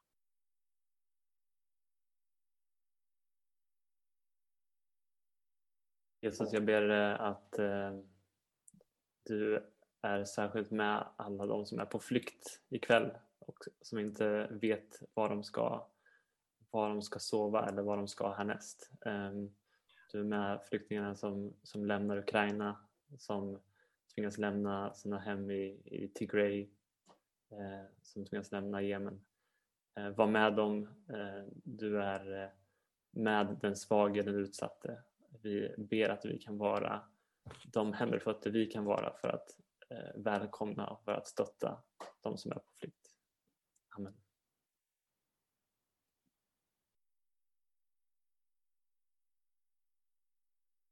Ja, Fader, jag ber speciellt om beskydd för alla oskyldiga människor som drabbas runt om i världen och speciellt för Ukraina just nu som är på tapeten.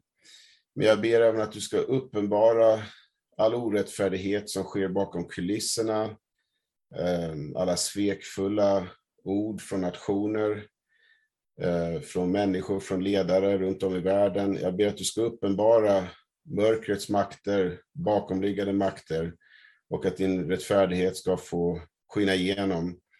Och vi ber att din vilja ska ske i alla de här situationerna och att du ska leda ditt folk, eh, både, både kristna och icke-kristna, eh, för ditt namns skull. I Jesu namn. Amen. Fader, vi, vi ber dig om, om beskydd och vi ber dig om, om styrka och vishet för alla världens ledare. Vi ber dig om snabba slut på alla krig. Fader, du är härskarornas Gud.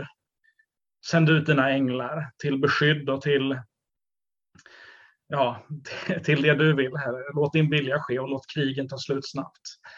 Vi ber om omvändelse för hela jordens folk. Vi ber att de ska vända sig till dig och till ditt ord och till din kärlek och lägga ner sina vapen. Vi ber om din fred och din frid i allas hjärtan och din rättvisa. Kom med din nåd, kom med din styrka. Jesus.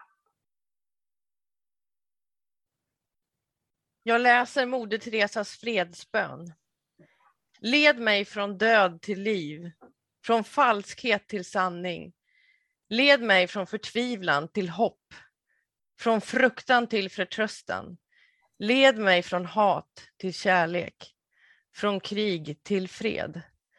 Låt freden fylla våra hjärtan, vår värld, vårt universum. Amen. Mm. Ja, Fader, jag vill bara låta, eller be om att din vilja ska få ske. Helt enkelt så som i himlen, så också på jorden.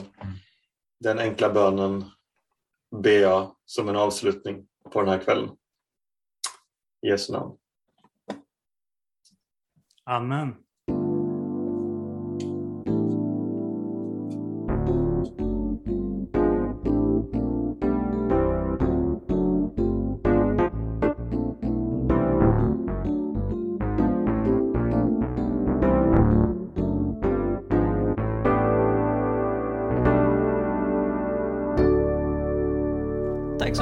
Lyssnar på Jesusfolket.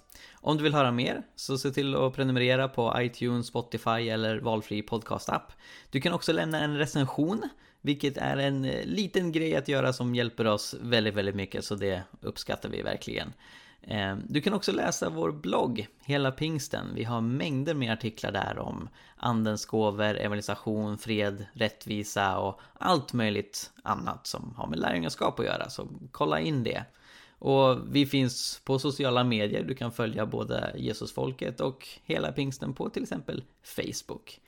Tack så mycket, Gud välsigne dig och eh, fortsätt vara en del av Jesusfolket.